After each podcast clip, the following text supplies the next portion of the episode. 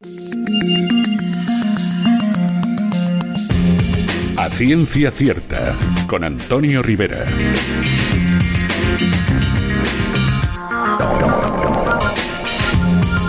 Hola, ¿qué tal queridos amigos? Bienvenidos todos a una nueva edición de A Ciencia Cierta, donde ya sabéis que tenemos un buen rato por delante para hablar y disfrutar de la ciencia.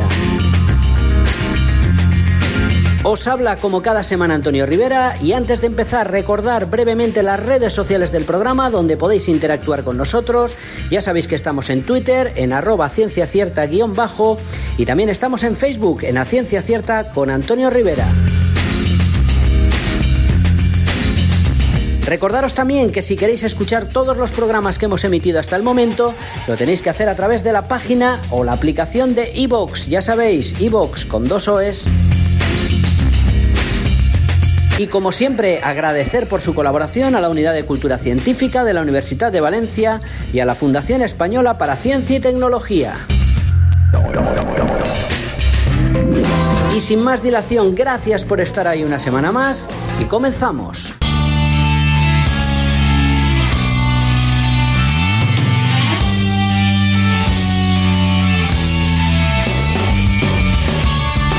Llega la tertulia a ciencia cierta, el Ágora.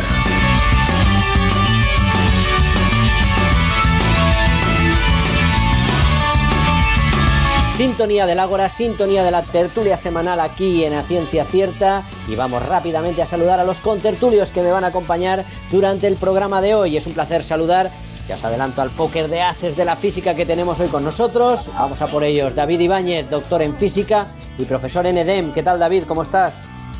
Hola Antonio, muy buenas noches. Pues nada, perfectamente y además con ganas de retomar estas tertulias de físicos. Señor, de físicos, nunca lo mejor dicho. Todo bien, ¿no? Perfectamente. Muy bien.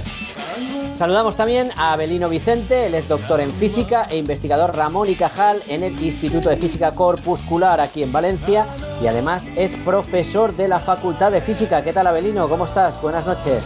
Encantado de estar con vosotros. Buenas noches. En una compañía fantástica para hablar de un tema realmente fascinante. Sí, por lo menos os veo fascinados con el tema, lo cual me alegra un montón. Yo Un me poco sorprendí al principio, pero, pero os vi tan, tan encantados con el tema que tuve que decir a por él, a por él. Y hoy, a ver, seguro que viniendo de vosotros nos vais a sorprender seguro y nos vais a hacer que nos fascinemos también con este tema, seguro. Lo intentaremos. Exacto. Vicent Picó, físico y filósofo. ¿Qué tal, Vicent? ¿Cómo estás? Hola, muy bien, ¿qué tal? Nada, aquí pues preparado para la acción, para empezar cuanto antes a hablar de, de temas muy interesantes, sí. Mira, creo que has sido el primero y el único que has dejado ahí una pista, una pista, porque creo que lo de acción viene por algo, ¿no? La acción. Ya veremos. Ya veremos, ya veremos. Ahora vemos por dónde tiramos. Y también es un placer saludar, como no, a Alberto Aparici, doctor en física y divulgador científico. Es colaborador habitual pues en distintos medios nacionales, como por ejemplo en Onda Cero y en La Razón. Y además también está como divulgador en el IFIC. ¿Qué tal, Alberto? ¿Cómo estás? Buenas noches. Hola, hola, muy buenas noches. Yo estoy seguro de que este tema nos gusta tanto a todos que no va a quedar nada mecánico este, este programa. Va, va a quedar muy natural y muy fluido. Estabas el último esperando que nadie lo nombrara, ¿no? Lo he conseguido. Es que a los demás se les ha pasado. Ha sido Vicente el, que- el culpable. Eh, por cierto, David, querías saludar, ¿no? Querías mandar un saludo antes de empezar. Sí, que se me ha olvidado ahora cuando me has presentado, pues nada, como siempre me presentas eh, como profesor de DEM desde que estoy dando clases allí en los grados de ingeniería, pues el otro día eh, la coordinadora de los grados de IGE, que se llama Salud, un saludo para ella en primer lugar, pues nada, me comentó que tenemos un oyente que se llama Javi Casado, Javier Casado, y Sí. que nos escucha todas las semanas y claro, al ser compañero de salud y decir, y decir que trabajo en EDEM, eh, pues nada, Salud vino y me dijo, oye David, que, tenéis un oyente que os escucha todas las semanas. Así que nada, pues un saludo tanto a Salud como a Javier Casado. Pues un saludo a Salud y un saludo también a Javier eh, Casado. Un saludo, de verdad. Bueno, señores, vamos al lío. Vamos al lío y a ver por dónde lo enganchamos. Mm, Muchas veces cuando se habla de la física un poco más clásica y se habla sobre todo de la mecánica, se suele hablar de la mecánica de Newton, evidentemente, y parece como que hay un salto histórico desde la mecánica de Newton hasta la mecánica de Einstein, que desarrolló Einstein, en el cual parece como que no pasó nada. incluso en los propios libros de historia de la ciencia, eh, aparece poco acerca de esas nuevas formulaciones que se hicieron durante varios siglos y que sin duda fueron importantes. Parece como que desde que Newton dejó allí sus leyes hasta que llegó Einstein y modificó algunas de ellas, parece como que no hubo nada, que hubo un vacío entre ello. Y hoy vamos a ver que no, que sucedieron muchas cosas, que cambiaron muchas cosas y que, siendo una parte de la física a lo mejor menos conocida, veremos que son cosas que tuvieron bastante trascendencia durante esos siglos. Porque al final no cambiaron en sí el formalismo, podríamos decir, de la física. Sí que hubo un salto entre Newton y Einstein, no hubo entre medias ningún salto conceptual importante, pero podríamos decir que hubo formulaciones distintas en esas leyes que abrieron nuevas puertas al estudio de la física. Y eso es lo que vamos a hablar durante el programa de hoy. ¿Qué pasó, podríamos decir? Podría ser un título un poco extraño, pero podríamos decir qué pasó entre Einstein y Newton, o qué pasó entre Newton y Einstein. Lo primero, mm, por situar un poco, mm, Vicent, cuando hablamos de formulaciones en física, ¿cómo lo podemos encarar esto? Porque ¿cómo pueden haber cosas que podamos formular de formas distintas? Eh, ¿Qué queremos decir con todo esto? Sí, pues yo creo que eh, puede resultar de ayuda primero aclarar un poquito conceptualmente qué es esto de formulaciones o formalismos de una, de una teoría científica y qué mejor que hacerlo con algún ejemplo que yo creo que el oyente puede, puede tener en mente y de los cuales hemos hablado largo y tendido en, en otras, en otras charlas. Por ejemplo, dejadme que haga una, una introducción histórica al concepto un poco contraria a lo que habitualmente hacemos. Vamos a empezar a situarnos, situémonos en el siglo XX, en los años en la, década de los 20 del siglo pasado, con esta teoría tan divertida y que nos entretiene tanto a todos, que es la, que es la teoría cuántica y de la que el oyente seguro que ha escuchado hablar si nos sigue, sobre todo pues en, alguna de, las, de, los últimos eh, programas. Mm. Y respecto de la teoría cuántica, pues eh, existen, existieron, se eh, propusieron dos formulaciones de la teoría que se conocen como la mecánica ondulatoria, debida sobre todo a, a Schrödinger, y la mecánica matricial que propuso Heisenberg, cuyos formalismos matemáticos, cuyas fórmulas, expresiones, incluso los conceptos utilizados, digamos, en el detalle de la teoría eran bastante distintos. Pensad que el formalismo de Heisenberg para la teoría cuántica se basaba en, en, objetos matriciales bastante abstractos que parecía que no tenían mucho que ver con todo lo que se había dicho previamente en teorías anteriores, mientras que Schrödinger optó por explicar esta teoría nueva mediante funciones de onda muy similares a las que se usaban en teorías ondulatorias de, pues, del sonido, por ejemplo, de la luz. Es decir, que optaron por caminos muy, muy diferentes para intentar explicar el mismo tipo de fenómenos que a principios del siglo pasado pues todavía no tenían una explicación demasiado convincente. Y lo llamativo de esto, eh, porque si nos metemos hoy a hablar de mecánica cuántica, quizás nos desviamos un poco del, tema, lo llamativo de esto es que eh, formalismos matemáticos, expresiones, ecuaciones matemáticas muy distintas, fueron capaces de explicar el mismo tipo de fenómeno y el propio Schrödinger, en un artículo, un par de años después de, plantear su, su, propuesta teórica, demostró que eran formalismos matemáticos equivalentes que explicaban el mismo tipo de, fenómeno físico. Y claro, esto el oyente puede pensar, ¿qué significa esta, noción de equivalencia? ¿Qué significa? ¿Cómo la puedo entender para, explicar luego otras teorías que, veremos más adelante en el programa? Pues dejadme que simplemente recuerde, en algún otro programa lo, he comentado, siento, siento ser un poquito cansino con ello, pero las teorías de la física tienen muchas virtudes, tienen muchas características. Pueden ser más simples o más complejas, pueden ser más elegantes, más bellas.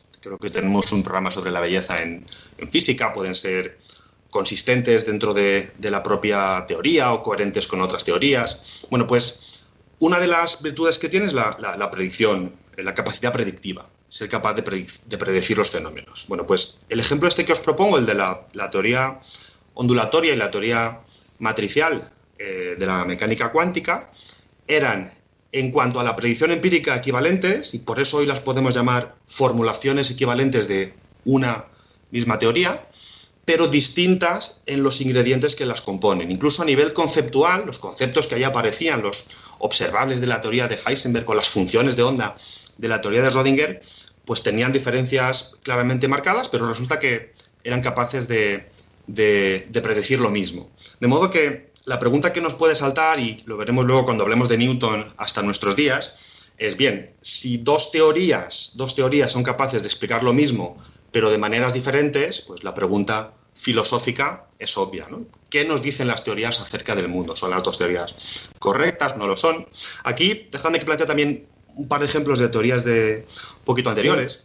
del siglo XIX, que tampoco veremos en detalle y que, y que el oyente seguramente conoce. Otro ejemplo es... Vicent, si me dejas, si me dejas que haga un comentario, si me dejas que haga un comentario súper breve, es que em, hay una cosa muy divertida, que es que cuando sucede ese, ese, caso de que uno tiene dos formulaciones diferentes aparentemente para los mismos fenómenos físicos, bueno, hay una pregunta que es inmediata, que es, ¿hay una formulación que es la buena y otra que es la mala? claro, Las dos son igual de buenas, ¿por qué el mismo fenómeno permite dos formulaciones aparentemente muy distintas? Y eso nos hace pensar mucho a los físicos. Yo creo que nos, nos hace mucho reflexionar sobre si verdaderamente no será que el fenómeno es como un poco más grande de lo que cada una de esas formulaciones puede atrapar y el hecho de poder verlo desde dos puntos de vista pues te permite eh, eh, contemplar un poco eh, facetas un poco diferentes de, la física de esos fenómenos, ¿no? David, ¿querías apuntar algo también? O... No solamente también la pregunta de si esta formulación es la buena o si esta formulación es la mala, sino que muchas veces, por ejemplo, en, en el ejemplo que está comentando Vicent sobre la mecánica de Heisenberg o la mecánica de Schrödinger, hasta que no se demuestra una equivalencia entre ellas, eh, en principio eh, uno no sabe, eh, digamos, a ciencia cierta cuál es la cuál es la teoría correcta. Entonces, muchas veces también ha ocurrido en la historia de la ciencia que a veces se han elegido, digamos, formulaciones diferentes y al final esas formulaciones no han terminado convergiendo eh, en, una formulación única. Es decir, eso también es otro aspecto a tener en cuenta que siempre que tengamos diferentes formulaciones, a lo mejor esas formulaciones, algunas de ellas se van quedando por el camino, pero por ejemplo, como ocurrió en la mecánica cuántica, estas dos formulaciones diferentes sí que convergieron hacia una misma formulación equivalente. Mm muchas preguntas encima de la mesa. Vicente, de todas formas, yo también quiero apuntar una cosa a lo que ha dicho David. Claro, pueden, y, añado, eh, añado más, más azúcar en el tema, ¿pueden dos formulaciones distintas ser correctas las dos? cuando son muy distintas entre ellas? Es un poco también una pregunta unida a lo que están diciendo Alberto y David, que llama la atención. Yo cuando leo algo cuántica, leo estas dos formulaciones totalmente distintas, pero que al final siempre pone que las dos funcionan. Claro, no me digas que no es extraño. ¿Puede esto existir o es nuestra incapacidad de entenderlas? No sé, ¿qué nos dices al respecto? Sí, la verdad es que la pregunta es muy interesante y, bueno, raya obviamente aquí en lo, en lo, en lo, filosófico. Mi respuesta sería que sí, sí y no, va a depender un poco de si las dos, los dos formalismos supuestamente de una misma teoría hacen referencia a aspectos distintos pero, pero complementarios o intentan explicar una misma realidad de dos maneras que pueden ser contradictorias. De hecho, precisamente eh, el hecho de que puedan converger o no los, formalismos, la manera de formular una teoría, va a depender precisamente de la forma en la que explican la realidad. Aquí ya, como digo, una pregunta más filosófica sería, ¿cómo entendemos a las teorías científicas? Porque si al final son meramente instrumentos predictivos, oye, yo esta teoría la, la necesito para predecir lo que va a pasar en mi laboratorio, pues todo vale. Me valen tres, cuatro, cinco formalismos. Si todos ellos al final predicen cosas que luego suceden, pues los mantendría en la categoría de correctos, ¿no? formulaciones correctas de, una teoría. Si mi pregunta es más filosófica y lo que me interesa, aparte de predecir, es intentar comprender la realidad, pues que una teoría me diga que el mundo está hecho de, operadores lineales, de observables, y la otra teoría me diga que está hecho de ondas, pues quizás conviene un poco intentar buscar si hay compatibilidad entre ambos. De hecho, uno de los ejemplos que, quería plantearos también, previo a, la, a la teoría cuántica, es este debate, parece eterno, entre los formalismos ondulatorio-corpuscular acerca de, la naturaleza de la luz.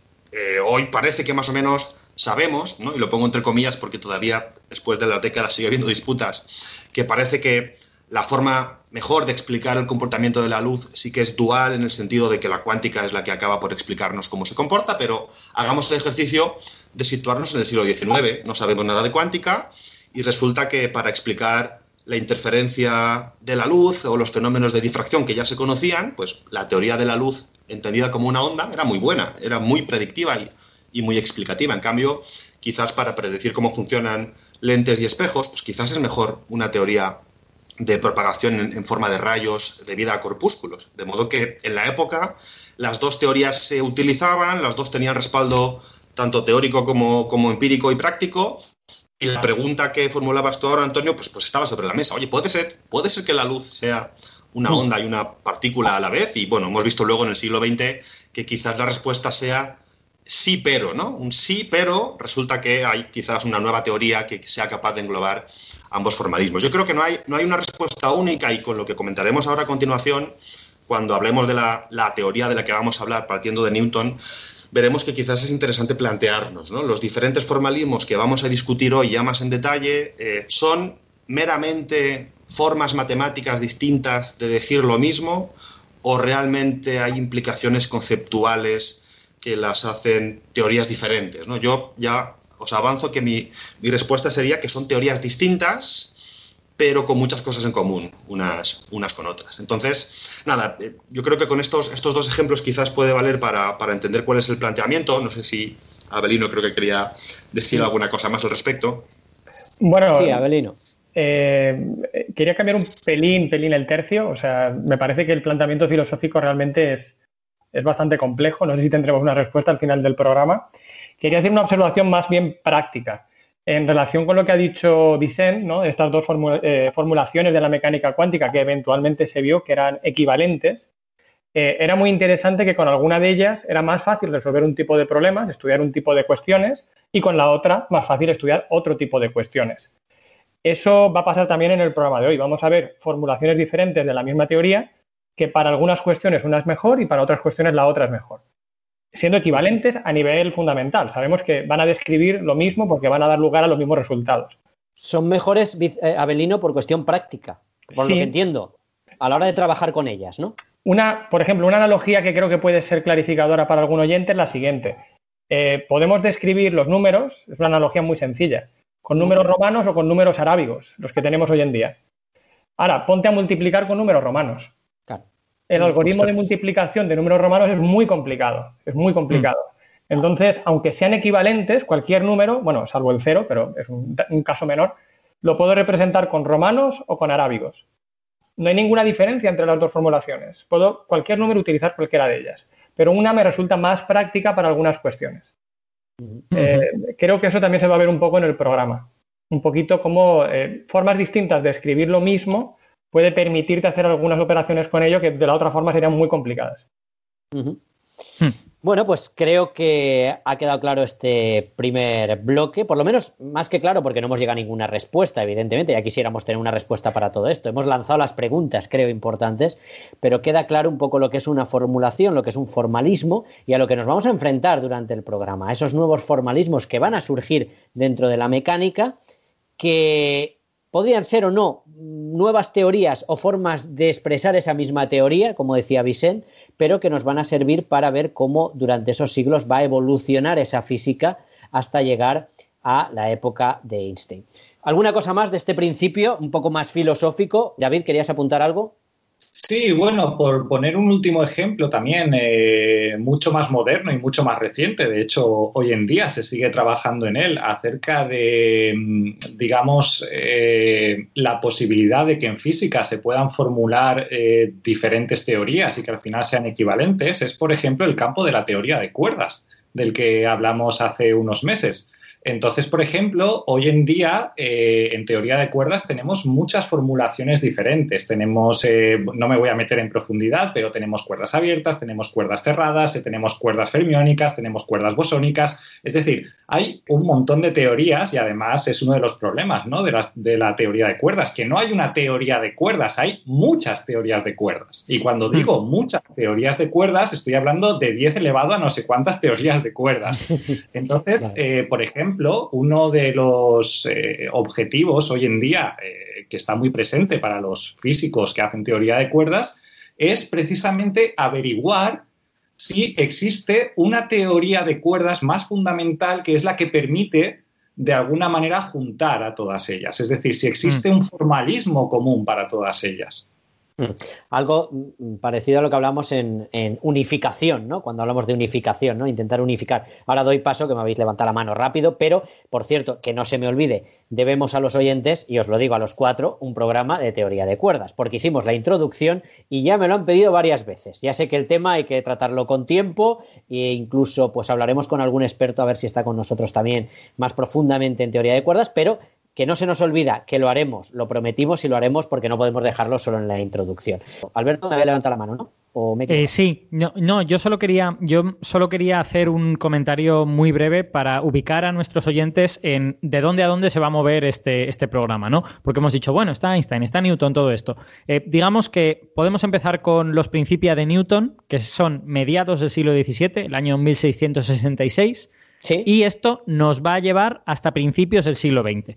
O sea, vamos, Einstein llega en el año 1905, quizá avancemos un poquito más para llegar a comentar algo de, teoría cuántica y tal. O sea que nos moveremos en, un, en una horquilla de 250, 260 años, ¿no? Y a lo largo de esa horquilla veremos cómo surgen, pues, tres, e incluso cuatro eh, formulaciones diferentes de, de la misma cosa que vamos a contar dentro de unos minutos. Perfecto. Vicente, quería rematar. Sí, mira, enlazando con lo que dice Alberto, yo me, quería añadir, justo para empezar a hablar ya ahora de las teorías que, nos interesan hoy, que vale la pena entender cada una de estas teorías o formulaciones como constituida por tres ingredientes. Uno de ellos es la realidad que pretende describir. Estaremos de acuerdo ahora cuando hablemos de mecánica, que no queremos describir fenómenos de tipo electromagnético, ni de tipo térmico, ni realmente nos vamos a ceñir a un aspecto muy concreto de la realidad. Luego los conceptos que utiliza.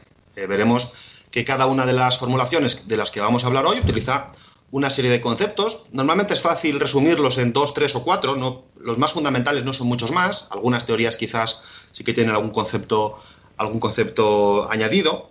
Y luego la, la formulación o el formalismo propiamente dicho, que sí que debe ser, al menos en las teorías que veremos, algo de tipo matemático, un ingrediente matemático que es indispensable. Precisamente por el hecho de que las teorías que vamos a estudiar tienen estos tres ingredientes, solo podemos irnos 250 años o 300 años atrás, cuando, un poquito antes quizás, cuando Galileo, sobre todo, y luego los físicos, los científicos posteriores, introducen la matematización. Es complicado hablar del formalismo de teorías científicas medievales o, griegas, precisamente porque hasta que no aparece la matemática no podemos hacer estas comparaciones. De manera que entidades reales, conceptos y luego ecuaciones y fórmulas matemáticas, pues van a estar un poco entrelazadas y eso yo creo que es lo que vale la pena ver a continuación, centrándonos, situándonos en Newton, mm. mecánica y a partir de ahí a ver, hasta dónde hasta dónde somos capaces de, llegar en el día de hoy diríamos que no podemos hablar de géneros literarios ni de forma de escritura si no se inventa la escritura. Pues en este caso es algo parecido.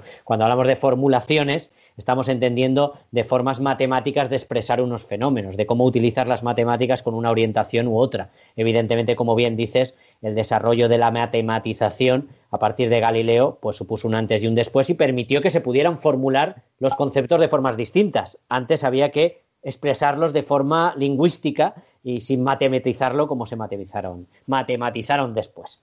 Bueno, eh, ya nos hemos situado, creo yo, así que vamos un poquito al ataque. Abelino, mm, cuéntame, porque aquí vamos a hablar, eh, podríamos hablar y habernos centrado en otros, eh, como hemos dicho, como ha puesto ejemplos Vicent, de distintos aspectos de la física, pero nos vamos a centrar en la mecánica. Y yo creo que lo primero que tendríamos que hacer es dejar claro qué es la mecánica. Efectivamente. Pues, pues la mecánica, hablando en términos sencillos, es dentro de las múltiples ramas que tiene la física, la que se ocupa de estudiar el movimiento. Es decir, la que intenta describir, explicar y predecir el movimiento de los objetos físicos. Es eh, bueno, una rama muy antigua, ya ha comentado Vicente, que ya, bueno, pues efectivamente, tanto en la Edad Media como incluso los griegos, ya se preguntaban por qué las cosas se mueven. Aristóteles, si no me equivoco, debe ser uno de los primeros que, que se planteó esta pregunta y que en su versión más moderna nace, como dice Vicente, con la matematización de la ciencia. ¿no? Y, creo que su padre, digamos, mm, o su progenitor principal, podemos decir que ha sido Newton, el, creador de la mecánica prácticamente sin disputa. ¿no? Newton creo que, nadie lo pone en duda. Sí, y bueno, hombre, Galileo hizo cosas importantes, evidentemente, sobre movimientos y demás, pero el que le dio un poco el empaque definitivo y dijo, aquí lo tienen ustedes para los próximos 250 años, fue evidentemente Newton. Eso es, eso es. Sí, efectivamente, Galileo no podemos olvidarnos de él, no cabe duda. y, y, bueno, dentro de la mecánica también hay como diversas disciplinas, ya se ha dicho mecánica cuántica, también se habla a veces de mecánica relativista. Nosotros hoy principalmente vamos a hablar de lo que se considera la mecánica clásica, es decir, la mecánica, es decir, el, movimiento de los cuerpos que van a una velocidad eh, baja, no, muy, no cerca de la velocidad de la luz, y objetos macroscópicos, grandes. Entonces, nos vamos a estar moviendo siempre en este terreno. Proyectiles, coches, lo que se estudiaba, vamos, en el colegio, eh, me acuerdo yo de, todos estos problemas, lo que se estudia normalmente, ¿no? En este sentido. Eso es la mecánica Sí, de todas formas, Abelino, y a lo mejor lo ibas a comentar ahora, pero perdona que te interrumpa. Yo cada vez que oigo mecánica, mm, también un poco creo que el concepto se lía con cinemática, es lo mismo, no es lo mismo, luego está la dinámica, ¿son conceptos un poco que están relacionados o, explícanoslo un poco para dejarlo claro? Sí, la mecánica es el concepto, digamos, que lo abarca todo, el movimiento. Ahora, dentro de la mecánica hay diversas partes. Una de ellas es la cinemática como tú has dicho. La cinemática es la parte de la mecánica que se ocupa de la descripción del movimiento. Es decir, yo no quiero saber por qué ese coche se mueve, pero va a esta velocidad en esta dirección. ¿Qué trayectoria va a seguir? Típico problema de movimiento uniformemente acelerado, de un proyectil, quiero saber dónde va a caer. Pero no me pregunto de por qué se mueve, ni qué le va a pasar al proyectil eh, pasado un tiempo, si una vez acabada la trayectoria, no me preocupa. Simplemente la descripción del movimiento. Sí. Hay otra parte que a lo mejor a los físicos no nos gusta tanto, no nos interesa tanto, que es la estática. Es otra parte de la mecánica que se ocupa de estudiar los sistemas en equilibrio. Muy interesante para hacer puentes, por ejemplo, y estas cosas. Efectivamente. en, la ingeniería, en la ingeniería es más importante, también en la arquitectura, por supuesto, es mucho más importante. Y sería para estudiar, para, estudiar todos los sistemas que no quieres que se muevan, ¿no? Como por ejemplo los puentes. Valga la broma, ¿eh? Valga la broma, pero es que lo ha dicho de una forma y digo, bueno, hay en algunos sitios que estática se estudia mucho, evidentemente. Por supuesto, por supuesto. Pero es verdad, por ejemplo, esto lo comento a, título de anécdota, pero muchas veces hablando con amigos eh, arquitectos me dicen, bueno, vosotros de esto sabréis un montón como físicos, y, y no es verdad. Es la parte de la mecánica en la que a lo mejor los físicos nos interesamos menos. Tal vez porque eh, las leyes están claras, son estas las que son y realmente ahora es una aplicación a distintos sistemas, ¿no? Pero bueno, es otra parte de la mecánica. Y luego la, última, la última sería la dinámica, que es la parte de la mecánica que se ocupa de estudiar las causas del movimiento. Vale. Esa es la parte que tiene como objetivo entender por qué las cosas se mueven y utilizarlo para predecir de alguna forma cuál va a ser el movimiento futuro de un cierto objeto atendiendo a las causas que lo han provocado. O sea, en definitiva, lo que vamos a ver en las formulaciones que se hicieron en relación a el movimiento, desde lo mm. que es calcular trayectorias, calcular velocidades, calcular aceleraciones, eh, calcular el movimiento de partículas determinadas e incluso, mm, como bien dices, también atendiendo a las causas, ¿no? Porque la dinámica está dentro de la mecánica, ¿no? Por lo que me dices. Y no solo partículas, también dinámica de objetos eh, sólidos de un tamaño determinado, con una forma determinada, de medios continuos. Todo eso es mecánica también. Sí, porque veremos que mm, cuando estudiamos en el colegio es un objeto puntual y todo es mucho más fácil. Y ahí lo dejamos. Pero claro, un objeto con una forma determinada, pues ya no es tan fácil, ¿no? Que ese objeto puntual, ¿no? Podríamos decir. Eso es. David, querías apuntar algo. Claro, sí, y fijaros además, eh, aquí ocurre un aspecto muy interesante y es que precisamente dentro de la mecánica, pues como comentaba Belino, tenemos esas distintas ramas, la cinemática, que, no se preocupa ¿no? de las causas que provocan el movimiento, simplemente se, se, ocupa de describirlo, esa estática ¿no? para sistemas que queremos que no se muevan o que estén en equilibrio, y precisamente eh, la parte de la dinámica es la parte que más nos va a interesar, porque normalmente cuando tú le preguntas a alguien eh, cuál es la causa del movimiento, enseguida te va a decir una fuerza. Tenemos muy arraigado y sobre todo porque básicamente es lo que nos explican en, secundaria, lo que nos explican en física, que las causas de la dinámica, las causas eh, o lo que provoca el movimiento de los objetos es una fuerza. Es decir, un objeto, a no ser que yo le aplique una fuerza, ahora veremos un poco que esta es la filosofía ¿no? en la que se basa la mecánica newtoniana, pues es precisamente la fuerza. Sin embargo, lo que vamos a ir viendo en este programa es que no necesariamente uno tiene que invocar el concepto de fuerza para poder describir la dinámica, las causas del movimiento. Y ahora veremos eh, cómo dándole una vuelta de tuerca al concepto de fuerza vamos a ser capaces de describir la dinámica. Es decir, la dinámica no es exclusiva de las fuerzas, aunque lo tengamos tan arraigado en, nuestro cerebro. Lo que nos enseñan en bachiller, lo que nos enseñan en bachiller, Vicente. Sí, de hecho, el ejemplo muy claro. Eh, Abelino hablaba de causas sin utilizar la palabra fuerza. David ahora muy bien concretaba que, ojo, fuerza no hace falta. Es verdad que mecánica newtoniana también ahora explicaremos la importancia que tiene ese concepto, pero dejando que ponga un ejemplo muy sencillo de una explicación causal dinámica de un movimiento tan simple como dejar caer una piedra hacia el suelo, y lo voy a hacer poniéndome en la piel de Aristóteles ahora mismo. Pues Aristóteles decía, mira, esta piedra se mueve en línea recta hacia el suelo, cinemática, porque su lugar natural es el interior de la esfera terrestre. De modo que la causa de que esa piedra caiga es la tendencia a un lugar natural. Y el bono de Aristóteles no tenía por qué hablar de, fuerzas ni de ningún concepto puramente newtoniano. Es verdad que quizás la explicación de Aristóteles hoy en día nos queda un poco lejana y sabemos que no es demasiado correcta para, para las explicaciones que queremos hacer de los fenómenos que nos, rodean, pero sí que, eh, en efecto, no hace uso del concepto de fuerza y es una explicación, es una teoría dinámica, podríamos decir, ¿no? De, del movimiento de, la caída de graves hacia, hacia el suelo. Qué amable eres con Aristóteles. No es demasiado correcta. Qué barbaridad. Es que, es que los mitos hay que respetar. Y hay que situarse, Alberto, ya sabes, en su momento y en aquel momento eh, hay que situarse, ¿eh? que no es tan fácil. No, no, si Aristóteles. Se me nota mi, mi, predilección filosófica, se me nota un poco, ¿no? Creo que. Sí. Y, que Aristóteles es un, es un genio absoluto de la historia de la humanidad, pero vamos que esa explicación en concreto pues es un disparate.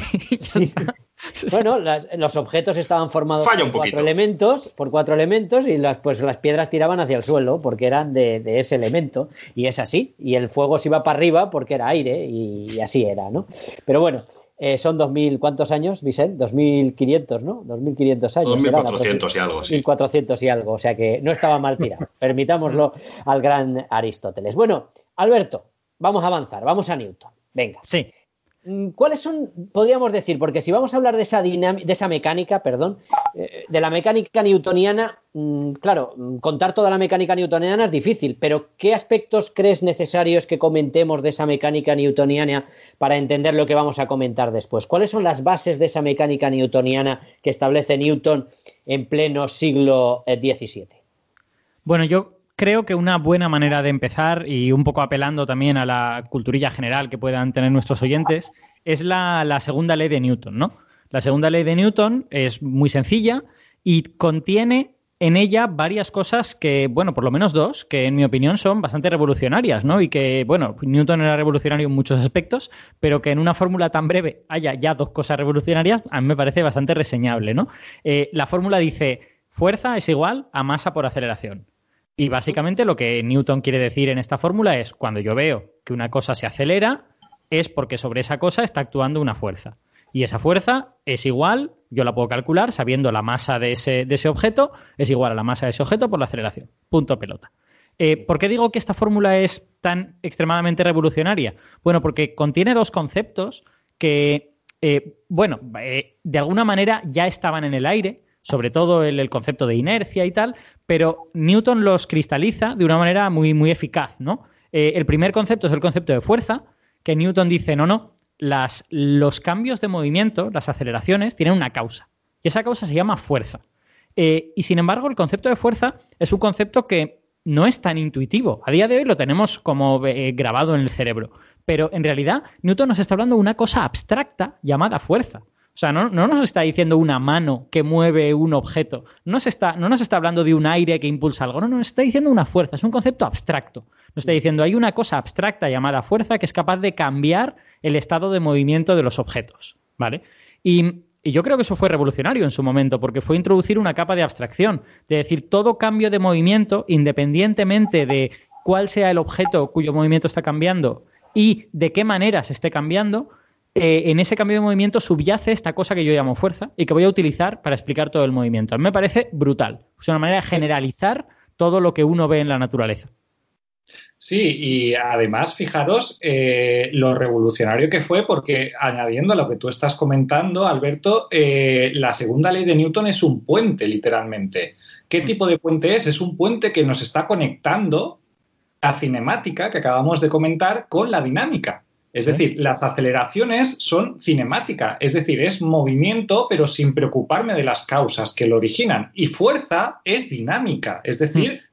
Eh, qué es lo que sí que provoca el movimiento. Entonces, la segunda ley de Newton, aparte de todo lo que está comentando Alberto y va a seguir comentando, a mí me parece fascinante y muchas veces la gente no lo tiene en cuenta, es que literalmente nos está tendiendo un puente entre cinemática y dinámica. Nos está tendiendo el puente para poder unir el movimiento con las causas que lo provocan. Es que es engañosamente, es engañosamente simple, David. Es tan sencilla y la, y la tenemos tan interiorizada que, que nos cuesta ponernos en la piel de una persona del siglo XVII a la que de repente le dicen, no, no, existe una cosa abstracta llamada fuerza que cambia el movimiento de las cosas. Pues debió haber personas que dijeron, pero este señor que ha fumado, exactamente, ¿no? a la hora de escribir. señor Newton, señor Newton, que ha desayunado usted, ¿no? Bueno, y luego, y luego, de hecho, incidiremos más en los pequeños problemas que puede haber en el concepto de fuerza, que es un concepto súper poderoso, pero no todopoderoso, ¿no? Sí. De hecho, como, como apunte histórico justo al momento en el que Newton plantea esta, esta ley de la dinámica, el concepto que se manejaba previamente para hablar de este tipo de, fenómenos es el de cantidad de movimientos, un concepto anterior al de fuerza, que pues, hoy en día calculamos en bachillerato como el producto de la masa por la velocidad y que quizás es un poco más intuitivo, porque uno ve un coche moverse a una cierta velocidad y un camión moverse a la misma velocidad y la cantidad de movimiento de uno y de otro es distinta y puestos a elegir, pues yo me pondría delante, bueno, quizás delante de ninguno de ellos, pero si puedo elegir, quizás delante del que tiene menos cantidad de movimiento. De manera que sí que estaba, estos dos conceptos sí que se conjugaban. Masa por un lado, cantidad de materia y luego movimiento, velocidad, conjugados en una misma noción que ya se trata en los tratados medievales, estos protocientíficos antes de la matematización, sí que se habla de cantidad de movimiento. De hecho, la formulación original o la primera formulación de Newton de, la ley no habla tanto de aceleraciones como de variaciones de la cantidad de movimiento. Dice, mira, aquí en el mundo lo que pasa es que las cosas cambian a veces su cantidad de movimiento, eh, habitualmente porque se mueven eh, a diferente velocidad y eso es, como explica muy bien Alberto, por algo, por un motivo. Y voy a poner aquí un pegote y a ese motivo, a esa causa, le voy a poner un nombre, por muy abstracto que pueda sonar Ahora, a los estudiantes de dentro de 250 años no les sonará abstracto porque lo van a estudiar desde, desde pequeñitos. Pero es cierto, estoy de acuerdo en que, en que quizás lo abstracto de ese concepto, si hacemos esta revisión histórica, nos va a llevar a entender mejor lo que, pasó en las décadas siguientes y un poco explicar esta, este periodo histórico de la evolución de la, de la mecánica que creo que es desconocido para, gran parte del público. Pero Alberto, mm. qué elegancia y qué sencillez. Fuerza igual a masa por aceleración. O sea, ya está. Claro, la que puedes montar con eso, ¿eh? Es que es, eh, por eso es, engañosamente sencillo y, cuando lo estudias desde pequeño todo es muy intuitivo, pero para una persona del siglo XVII que estaba acostumbrado a que movimientos concretos tenían causas concretas, en plan de yo empujo el carro, el caballo estira del carro, eh, hablarle de una abstracción como esta no debía de ser trivial para, para muchas personas, ¿no? Eh, y bueno, y la, segunda cosa que, quería decir que en esta fórmula es, muy importante, en mi opinión, eh, Vicent ya lo, ya lo ha empezado a decir, es un concepto que en realidad no es tanto de Newton, Newton lo utiliza, pero es un concepto que se remonta a tiempo anterior, que es el, es el papel de la masa en esto, que en realidad yo diría que es el concepto de inercia, ¿no? O sea, Newton con esta fórmula, fuerza igual a masa por aceleración, lo que te dice es eh, algo parecido a lo que Vicent nos acaba de decir, que es si yo quiero acelerar una masa pequeña, la fuerza que voy a tener que aplicar pues va a ser pequeña. Si la masa es muy grande, voy a tener que aplicar una masa más grande. Es decir, hay una cierta relación entre la masa de un objeto y lo que cuesta darle una aceleración, lo que cuesta eh, cambiar su movimiento. Y ese es el concepto de inercia, ¿no? Los objetos con mucha masa tienen una inercia muy grande. La, noción de inercia es la resistencia a que algo cambie mi movimiento, tanto para ponerme en marcha como para frenarme, si, si me estoy moviendo. Y de hecho, eso tiene bueno, tiene una aplicación directa en lo que habitualmente llamamos la primera ley de Newton, ¿no? Un cuerpo en movimiento no se frena a no ser que actúe una fuerza sobre él. ¿Por qué? Porque tiene inercia. y porque esa cantidad de movimiento que acaba de decir Vicent, en, principio no desaparece hacia la nada, solo desaparece si alguna cosa aplica una fuerza y elimina esa cantidad de movimiento. Entonces, esos dos conceptos creo que son muy importantes, ¿no? El concepto de fuerza, que de alguna manera sí lo introduce Newton, y el concepto de inercia, que flotaba en el aire con muchas formulaciones diferentes, y Newton lo incorpora de una manera muy natural a su noción de la dinámica. Sí, creo que Galileo ya había comentado algo parecido, pero en ese aspecto se creía, creo recordar, que cuando no actuaba ninguna fuerza seguiría en movimiento circular en vez de movimiento rectilíneo uniforme. Y creo que Newton mm. cambió el tipo de movimiento y estableció que debía ser un movimiento rectilíneo. Pero sí que es verdad que la primera ya estaba un poco flotando en el aire, pero la segunda sí que es propia y la tercera también son propias de Newton y del desarrollo propio de Newton. Las otras sí que estaban un poquito ahí, ¿no? Exacto. Entonces, recapitulando todo este asunto, el, el punto es, la mecánica de Newton se basa en las fuerzas. Las fuerzas son lo fundamental que hace que las cosas entren en movimiento, eh, frenen su estado de movimiento, cambien su estado de movimiento. O sea que yo entiendo las fuerzas que actúan sobre un sistema y voy a entender cómo ese sistema va a moverse, cómo va a cambiar su movimiento en el tiempo, voy a poder entender todo lo que se refiere al movimiento de ese sistema. Y si queréis, os voy a plantear un ejemplito para que, yo creo que nuestros oyentes van a entender de manera muy sencilla sobre cómo aplicar todo este asunto de las fuerzas. Y a lo mejor igual podemos ir reciclando este ejemplito e ir explicando en, cada formulación cómo lo, cómo lo entendemos, ¿no? Muy bien, eh, perfecto. El ejemplo es muy fácil, es el de un péndulo. ¿Vale? Y a los físicos nos gustan los péndulos porque eh, representan un ejemplo concreto de el sistema que más nos gusta a los físicos, que es el oscilador armónico, ¿vale? Eh, entonces, un oscilador armónico en realidad también se puede representar por un muelle. Tú coges una, masa haciendo boing boing en un muelle, eso también es un oscilador armónico. Eh, pues un, péndulo, si oscila con oscilaciones pequeñitas, también es un oscilador armónico. Cuando las oscilaciones son grandes, se vuelve anarmónico. Pero bueno, eso, eso nos da igual para esto. ¿Qué pasa con un péndulo? Pues lo que pasa es que tú tienes una masa colgada de un hilo y hay una fuerza que lo estira hacia abajo, que es la fuerza de la gravedad. ¿Vale? Entonces, si la masa está en reposo, está justo parada abajo, la fuerza de la gravedad lo estira para abajo y aquello no se mueve de ninguna de las maneras y yo tengo un péndulo que está parado. Ahora, si yo cojo esa masa y la subo un poquitín, ¿qué es lo que ocurre? Que la fuerza estira esa masa para abajo, pero la masa no puede caer directamente hacia abajo porque está unida al hilo. Entonces, lo que hace la gravedad es hacer que vaya hacia un lado y hacia abajo hacia ese punto de equilibrio en el que estaría si yo no lo hubiera levantado. Pero lo que pasa es que cuando llega a ese punto de equilibrio y entonces la fuerza ya no le está empujando hacia ninguno de los dos lados, resulta que ya lleva movimiento, ya ha cogido movimiento debido a la acción de esa fuerza cuando estaba en cuando estaba levantado en cierta manera. Entonces, al llegar a ese punto se pasa de largo se pasa de largo, mm. sube hasta el otro lado, hasta que pierde esa cantidad de movimiento porque la fuerza empieza a empujarle en la dirección contraria. La fuerza de un péndulo siempre te empuja en la dirección de que el péndulo esté en reposo en el punto más bajo.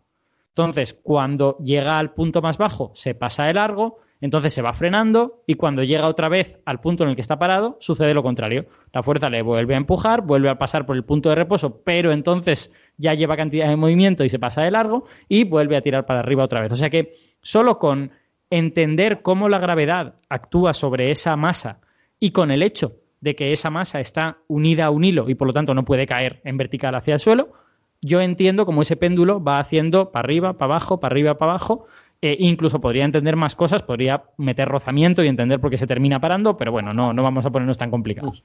No, no, pero ha quedado, creo, el ejemplo absolutamente claro. Abelino, querías comentar algo. Sí, bueno, por hacer un pequeño comentario añadido, y que es algo muy típico que han sufrido los estudiantes que se han enfrentado a este tipo de problemas, la razón dentro de la mecánica de Newton por la cual el péndulo no cae hacia abajo, como ha dicho Alberto, es que está unido al hilo.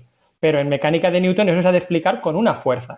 Se dice hmm. que hay una fuerza de tensión que hace que ese, el objeto que forma, que es el péndulo, está tirando hacia arriba esa fuerza de tensión y se opone a la fuerza de la gravedad. Por eso el objeto no cae nunca, simplemente se mm. desplaza izquierda y derecha.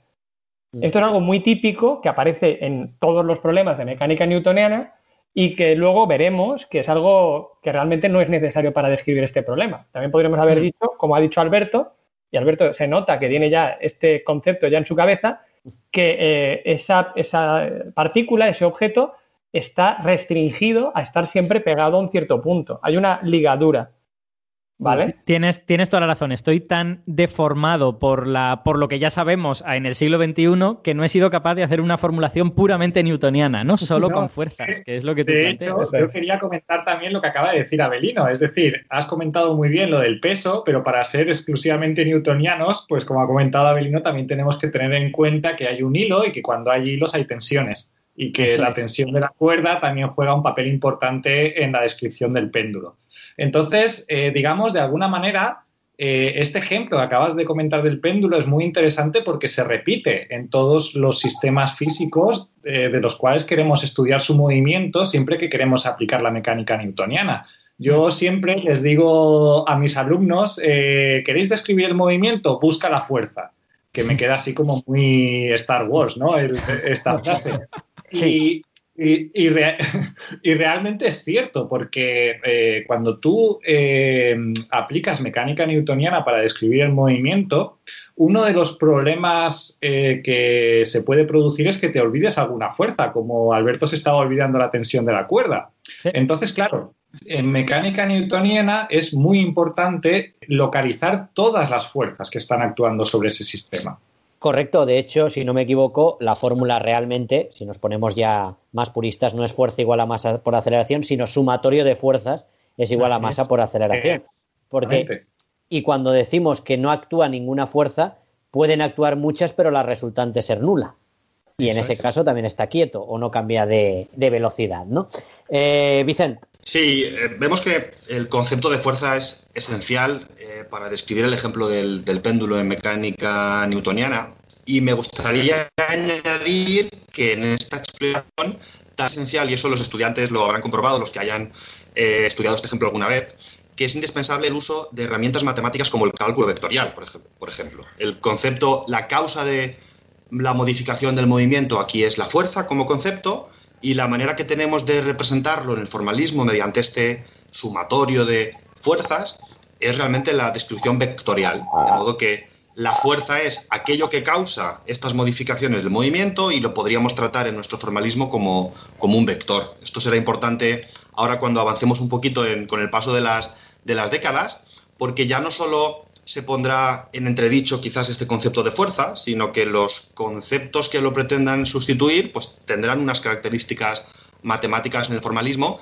que tendrán que tener alguna conexión con, esta idea de, nociones vectoriales como, como, la de fuerza. Para, el oyente que quizás esté menos familiarizado, recordar simplemente que, que, un vector en física, estamos cansados de verlos, pues es un objeto matemático con muchas veces representado mediante tres componentes en el espacio. Si lo dibujamos, también el estudiante de física lo reconocerá, son flechitas, ¿no? Las fuerzas las dibujamos muchas veces como flechitas a un lado y a otro.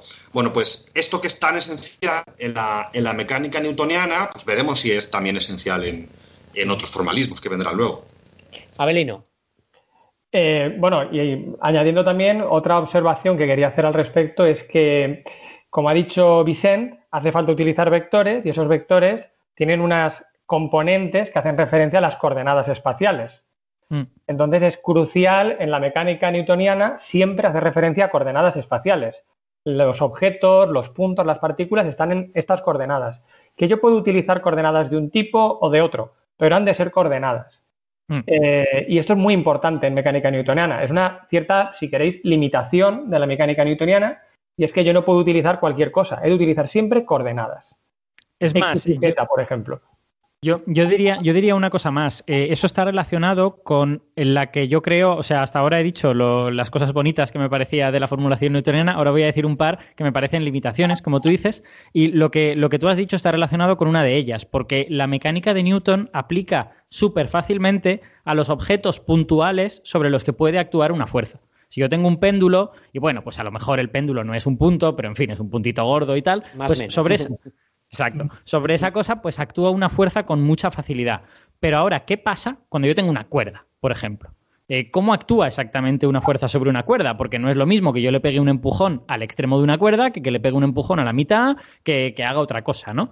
Entonces, cuando la mecánica de Newton se enfrenta a este tipo de objetos que a menudo en física llamamos objetos continuos, son objetos que, parecen tener materia en todo el espacio y no están divididos como en pequeñas bolitas, yo para aplicar bien la mecánica de Newton a esto, la manera más natural es dividir el objeto en pequeños puntitos, ¿no? O sea, yo no aplico la mecánica de Newton a una cuerda, sino que digo, bueno, la cuerda está formada por una pelotita, y al lado otra pelotita, y al lado otra pelotita, y al lado otra pelotita. A lo mejor las puedo unir por muelles, por ejemplo, para que, para que no se separen, o las uno por, por pequeñas cuerdecitas sobre las que no va a actuar una fuerza. Y luego, sobre cada una de esas pelotitas, entonces ya aplico la mecánica de Newton sin ningún problema. Aplico la fuerza sobre la pelotita número 10 o sobre la pelotita número 25. Y veo lo que pasa con el resto de pelotitas. Em, esto es una como pequeña limitación de la mecánica de Newton, porque bueno, efectivamente, si yo cojo una cuerda y la divido en mil millones de pelotitas, seguramente voy a describir muy bien la cuerda. Pero ya no estoy describiendo una cuerda continua. Lo que estoy describiendo es una cuerda que he partido en pequeños trocitos y sobre cada uno de esos trocitos puede actuar una fuerza. Eh, habría gente que me podría decir, bueno, como yo siempre puedo dividir las cosas en un número grande de pelotitas, pues esta es una, no es una limitación muy crítica. Y es verdad, a lo mejor no es una limitación muy crítica, pero sí que es verdad que eh, la, mecánica de Newton está pensada para ser actuada sobre objetos puntuales. Y cuanto más puntuales son, mejor funciona, digamos, la, mecánica de Newton. Oye, eh, ¿el tema de las fuerzas a distancia también es otro problema? ¿O en este caso no? Bueno, ese es el problema gordo, ese es el que me ah. estaba dejando para el final. O sea, este, este primer problema, vale, uno decir, bueno, no es para tanto, pero tiene otro problema muy, muy serio que se evidencia especialmente en la fuerza de la gravedad. La fuerza de la gravedad es, la, es, la, es el ejemplo principal que es que en la mecánica de Newton hay fuerzas que actúan sin contacto, como por ejemplo la fuerza de la gravedad. El Sol está ahí a tomar por saco, está a 150 millones de kilómetros y aún así actúa sobre nosotros, ¿no? Eh, de hecho, esto era un problema tan, tan notable para la época que había gente que trataba de encontrar explicaciones, eh, digamos, más mundanas para la fuerza de la gravedad. Y hay gente que, elaborando sobre la teoría de Newton, decía cosas del tipo, no es que estos son ángeles que son realmente los que están eh, ejerciendo la fuerza de, gravedad sobre la Tierra, ¿no? O sea, porque resultaba muy difícil en aquella época pensar en una fuerza que atravesaba un espacio y que llegaba de manera pues eh, casi mística hasta el planeta Tierra, ¿no? De, hecho, el propio Newton no le gustaba mucho la idea.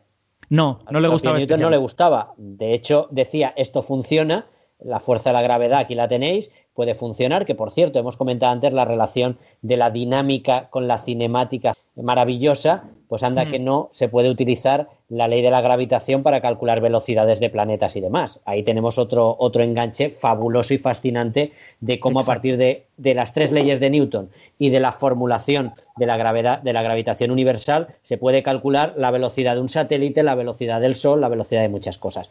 Eh, mm. Pero lo que decías, Alberto, el propio Newton no estaba seguro que algo fallaba ahí, pero funcionaba funcionaba y para hacer cálculos funcionaba, pero claro, mm, eh, lo de las fuerzas a distancia chirriaba y chirrió durante siglos.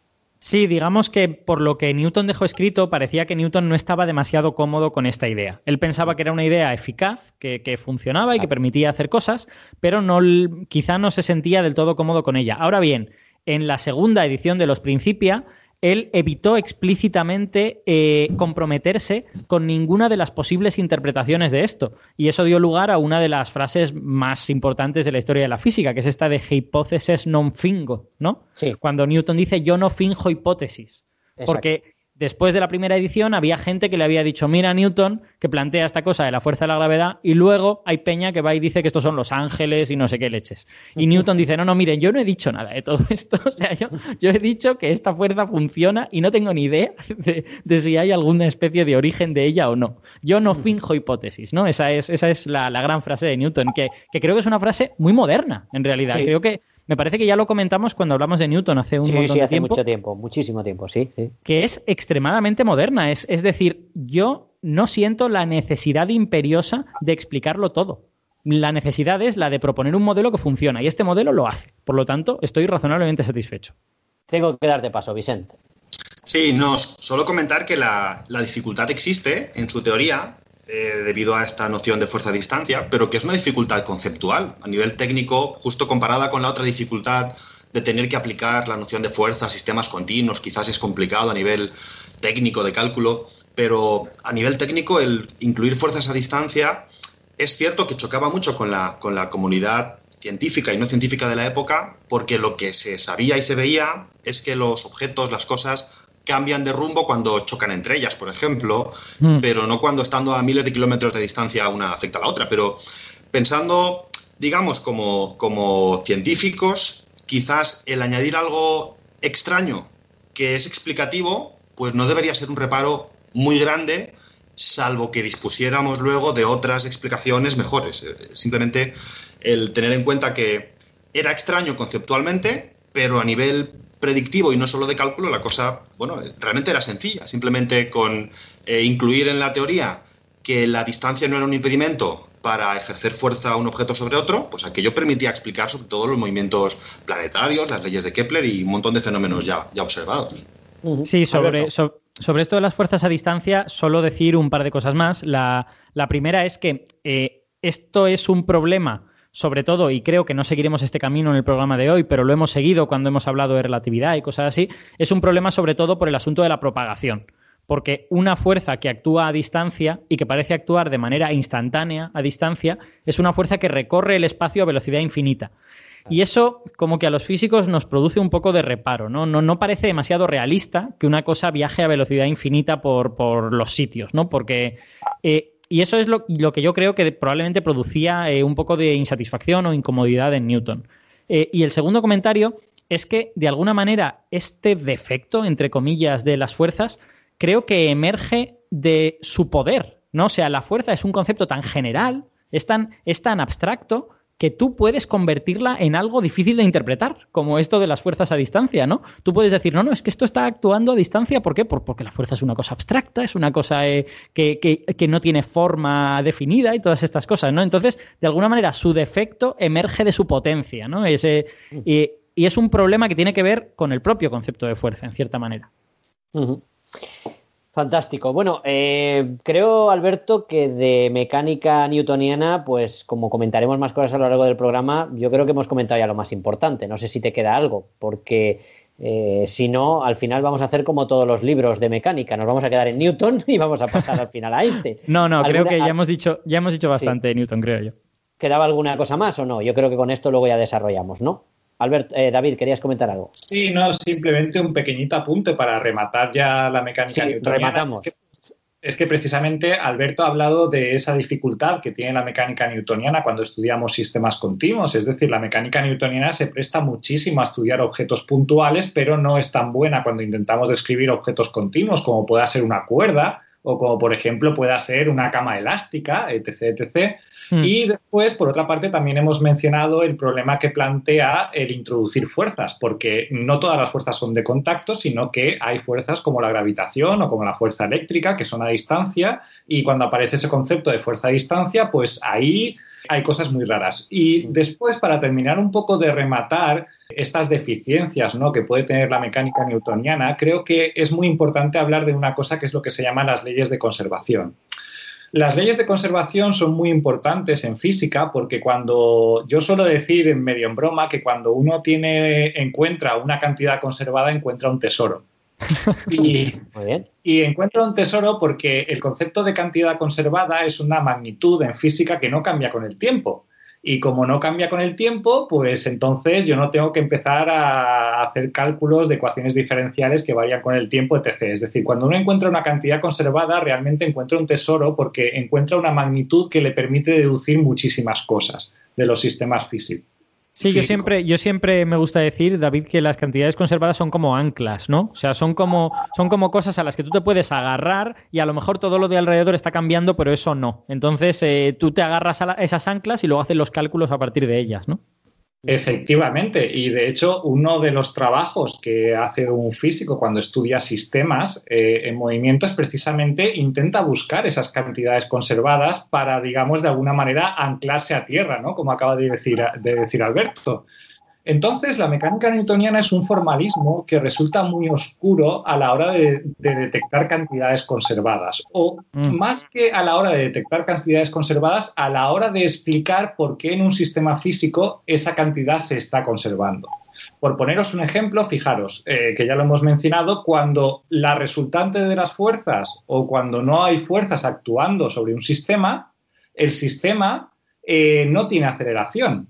Y hay una cantidad que es la cantidad de movimiento que ha mencionado Vicent, que es una cantidad conservada. Es decir, mientras el sistema no está actuando una fuerza o la resultante de todas las fuerzas que están actuando sobre él son nulas, hay una cantidad conservada que es la cantidad de movimiento. Y nos está diciendo pues, que durante todo ese movimiento, ese sistema va a tener siempre el mismo valor, el producto de su masa por su velocidad. Hmm. Entonces, claro, para detectar este tipo de cosas, la mecánica newtoniana eh, es bastante oscura. Eh, tú no dispones de una hoja de ruta que te diga cuáles son las cantidades conservadas de los sistemas físicos. Y eso, en otro tipo de formulaciones y de formalismos, sí que se ve de manera mucho más directa porque lo puedes relacionar con una cosa muy bonita, que son las simetrías, que bueno, en este programa no hablaremos de ellas, eh, pero, algún día hablaremos, algún día hablaremos de simetrías, que me la habéis pedido muchas veces. Eh, ¿Querías comentar algo, Alberto? Sí, yo solo, solo quería decir, por si los oyentes tienen curiosidad, que la, manera de encontrar cantidades conservadas en la mecánica de Newton, pues es eh, hacer las derivadas de la cosa que tú quieres ver si está conservada. Una derivada es la variación de esa cosa con el tiempo eh, y si, bueno, si esa derivada es cero, pues, pues esa cosa está, conservada, perfecto. O sea, que quiero decir que se puede hacer, pero como que es en plan de que has de ir una por una, ¿no? En plan de voy a derivar todas las cosas a ver cuál me da cero, ¿no? Es, es, un, es efectivamente como poco práctica en ese sentido. No parece estar hecho para eso, ese formalismo. De una forma o de otra, vemos que ese maravillosa, evidentemente, mecánica de Newton sirvió y revolucionó la física, pero vemos que habían algunas dificultades, podríamos decir, alrededor de ella, sobre todo a la hora de aplicar ese formalismo, no el concepto en sí, sino los formalismos de Newton, al aplicarlos a la vida real o a efectos de la naturaleza, pues a veces era bastante complicado, complejo y habían cosas que había que buscar otras alternativas. Y es lo que se hizo durante esos siguientes años y lo que vamos a comentar a partir de ahora, ahora cuando volvamos, porque vamos a hacer primero, eso sí, una recomendación.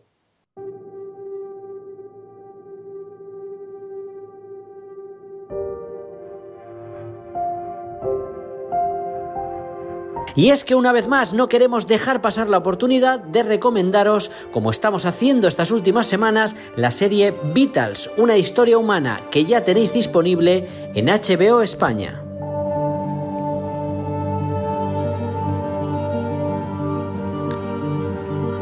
Una serie documental de tres episodios en los que se nos muestra un intenso, conmovedor y esperanzador retrato de la vida en un hospital de Barcelona durante los momentos más duros de la primera ola de la pandemia provocada por el COVID-19.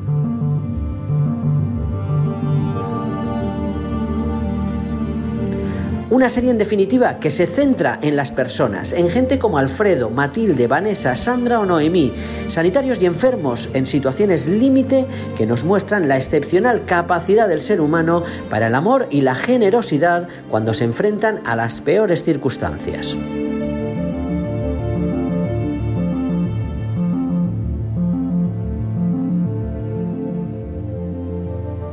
Así que ya lo sabéis, ya tenéis disponible en HBO España Beatles, una historia humana. No os lo perdáis.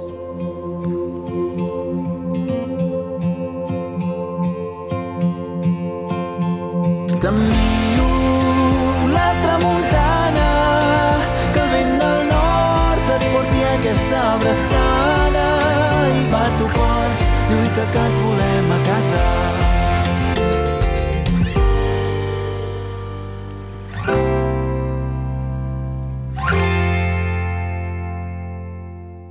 Y aquí seguimos con David Ibáñez, Abelino Vicente, Vicente Picó y Alberto Aparisi hablando de mecánica y de... Hemos hablado durante la primera parte del programa, eh, gran parte de ella sobre ese formalismo, esa mecánica newtoniana, y ahora vamos a ir viendo cómo se fue avanzando durante los siguientes años, porque podríamos decir que hasta aquí hemos visto lo que se explica normalmente en los libros de historia de la ciencia o en los libros de mecánica, y ahora viene, vamos a meternos poco a poco a zonas menos explicadas. No quiero decir que no aparezca en ningún libro, pero menos explicadas normalmente hacia el público en general y a todo lo que se hizo durante esos 250 años de los cuales estamos hablando. David, pongámonos en situación. Hemos visto ya esas ventajas evidentes que tenía la mecánica newtoniana, hemos visto algunos de esos problemas que estaban ahí en el aire y había que buscar alternativas. Cuéntanos esas alternativas cómo empiezan a aparecer o qué se empieza a hacer.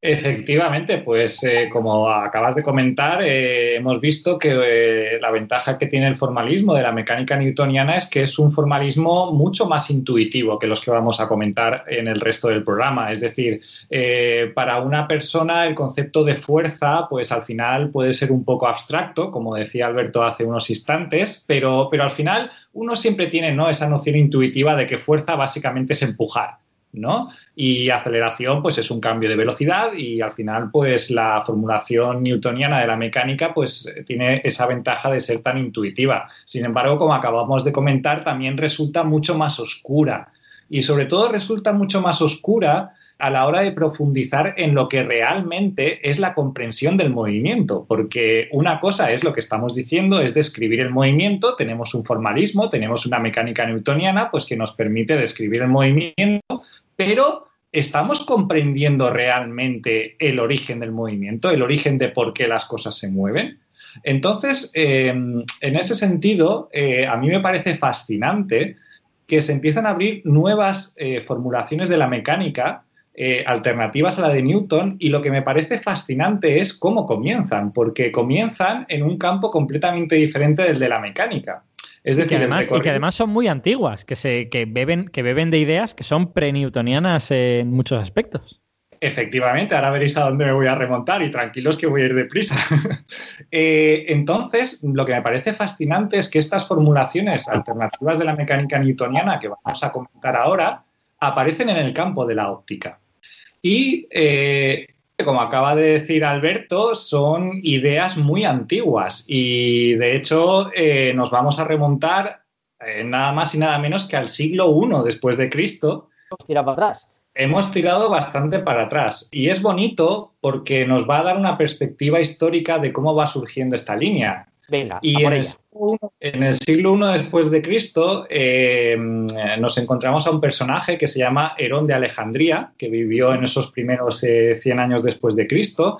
Y Herón de Alejandría, la verdad es que es un personaje histórico muy curioso. Es decir, nos vamos a centrar un poco en comentar eh, por qué es importante para la historia que vamos a contar ahora, pero invito a los oyentes a que busquen un poco de información sobre Herón, porque además... Eh, sus de inventos, y sus inventos. Tiene unos inventos fantásticos. fantásticos. Entre ellos, por ejemplo, las primeras puertas automáticas. Automáticas, sí, señor. Mm. Y máquinas Herón, expendedoras y demás. Sí, Herón sí. es una personalidad monumental en la historia de la ciencia, en mi opinión. Lo que pasa es que, claro, eh, llegó sí. como una especie de punto muerto porque el mundo colapsó y dejó de estar interesado en esas cosas, pero Herón es espectacular. De hecho, tiene un programa. Probablemente podríamos dedicarle a un programa, lo que pasa es que hay muchas cosas que decir, pero de inventos, vamos, de puertas que se abrían utilizando el agua, calentando agua para que el vapor moviera cosas, máquinas mm. expendedoras. Bueno, tiene verdaderos inventos maravillosos en el siglo I después de Cristo, ojo. Eso es, es un personaje fantástico, fantástico. O sea, y fascinante. Y bueno, eh, Herón, además de toda esta faceta de inventor, se preocupó bastante por estudiar la óptica. Sí. Es decir, en, en aquellos primeros eh, pasos acerca de comprender lo que era la luz, pues eh, Herón escribió una obra que se llama El Catóptrico. Es eh, una obra donde Herón estudia el comportamiento de la luz, intenta, digamos, de alguna manera describir cuál es el comportamiento de la luz, estudiar superficies reflectantes, estudiar superficies refractantes. Y precisamente en este catóptrico de Herón encontramos, digamos, el germen de lo que son los principios variacionales, que es lo que vamos a ir, eh, es digamos el hilo del que vamos a ir tirando eh, a continuación. Ajá. Y básicamente lo, lo, que Herón escribe es lo siguiente, dice, si un rayo de luz va del punto A al punto B, entonces el rayo sigue el camino más corto posible. Entonces, claro, fijaros, vale.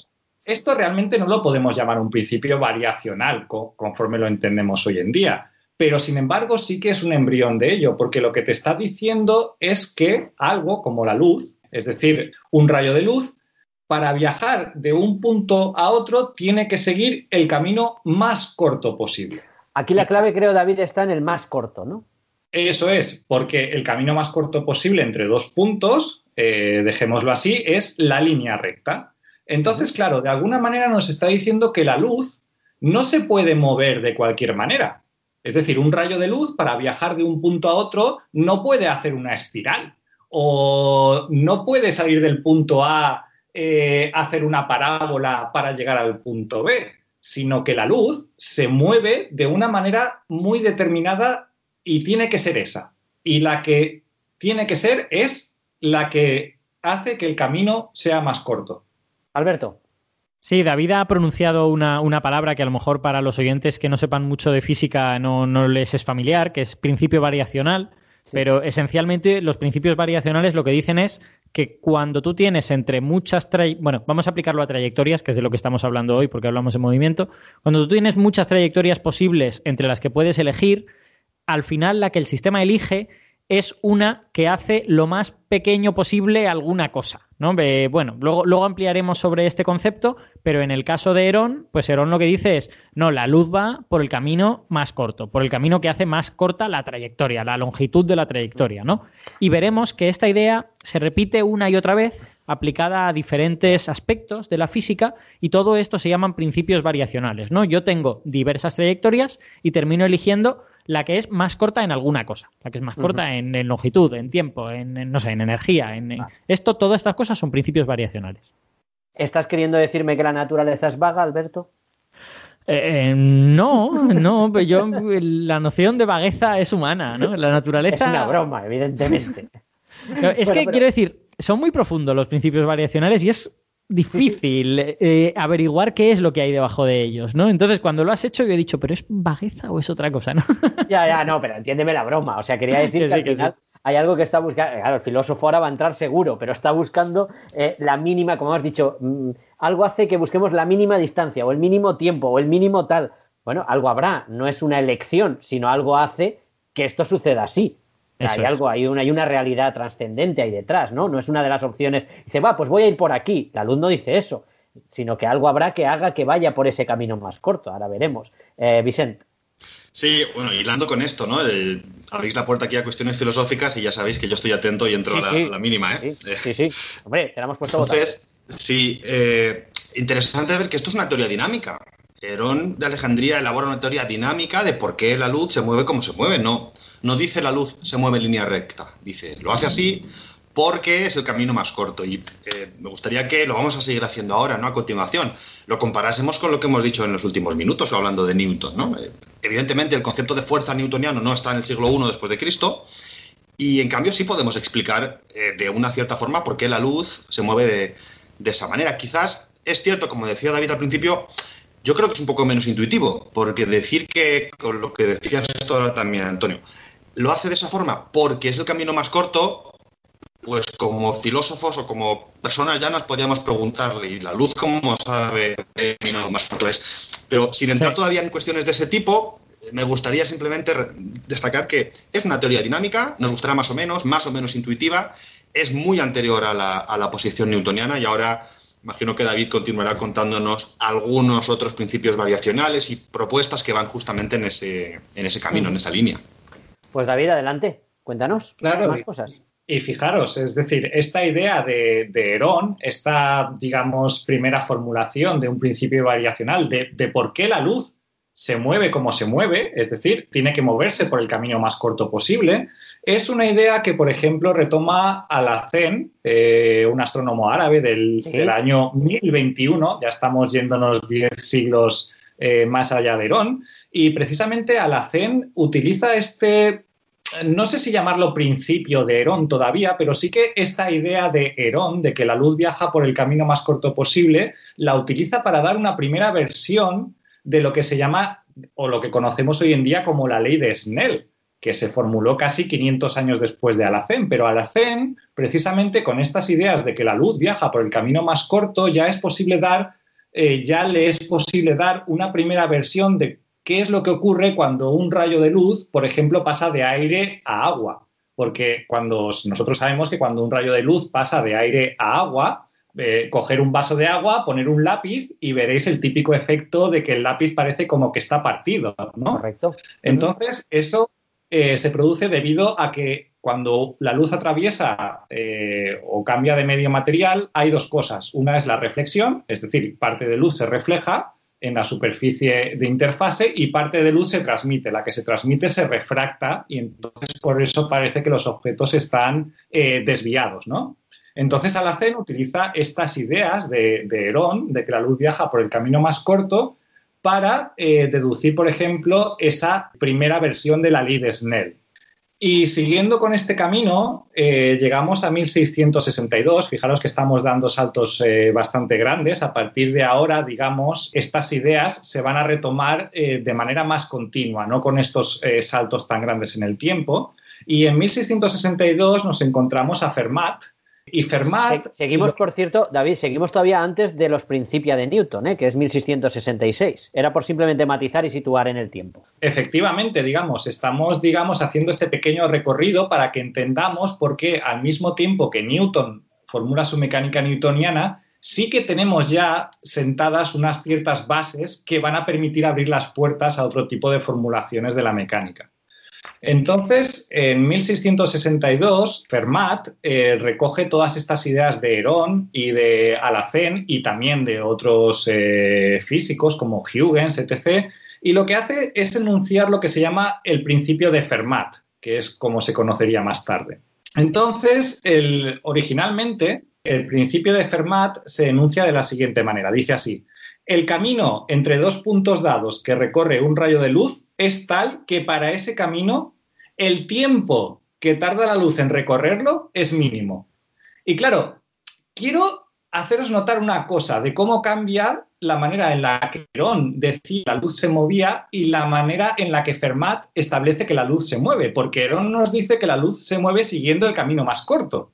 Sin embargo, Fermat recicla esta idea y le da otro enfoque y, dice, no, no, disculpen, la luz no se mueve por el camino más corto, sino que se mueve por aquel camino que le cuesta menos tiempo. Y eso, y eso es lo que le permite explicar la refracción de la luz como lo había hecho Alacén y todo eso. O sea, cuando nosotros sabemos que cuando la luz entra en el vaso de agua, el rayo se curva, porque se produce una especie como de codo. Entonces, si nosotros quisiéramos hacer llegar la luz a la manera de Herón entre un punto A fuera del agua y un punto B dentro del agua, esa luz seguiría una línea recta y se acabó. Y no es eso lo que hace. Eh, lo, que, lo que Fermat se da cuenta es la luz en el agua se mueve a una velocidad distinta y realmente el camino de tiempo mínimo es un camino partido, es un camino con ese codo, ¿no? O sea que realmente es, muy inteligente esa, esa, manera de darse cuenta de las cosas. En realidad, ambos están pensando en que ahí tiene que haber algo, uno de estos principios variacionales, ahí hay algo que se está minimizando y tal, pero Fermat va más lejos, lo entiende mejor que Herón o, lo aplica a sistemas más complicados. Igual Herón también lo entendía, pero no, lo dijo, ¿no? Minimiza otra cosa en este caso, minimiza otra cosa y cambia el concepto. Pero lo que minimiza Fermat le permite llegar más lejos, permite explicarle más cosas, digamos. Correcto. Claro, y de hecho, esta versión que acabo de comentar es la versión original del principio de Fermat y cuando él la propuso, realmente mm, eh, la comunidad científica no se quedó satisfecha con este primer principio de Fermat porque es que eh, resulta que a veces la luz tampoco elige el camino que le cuesta menos tiempo recorrer, sino que en algunas situaciones, eh, sobre todo cuando se producen cambios, la luz va atravesando diferentes medios materiales, el camino que recorre no hace falta que sea el de tiempo mínimo, a veces es que recorre el camino de tiempo máximo. Entonces, aquí empieza a entrar en serie eh, toda una serie de, cosas muy divertidas y es que uno está intuyendo que la luz recorre el camino mínimo, después no es el camino mínimo, es el que menos tiempo le cuesta, pero después empieza a ver que en algunas situaciones es el que más le cuesta. Entonces, digamos, después de esta primera versión de Fermat, de su versión original, se reformuló, se hizo una reformulación del principio de Fermat y se dijo, oye, la luz no viaja por el camino que menos tiempo le cuesta, por el camino de tiempo mínimo, sino que viaja por aquel camino estacionario.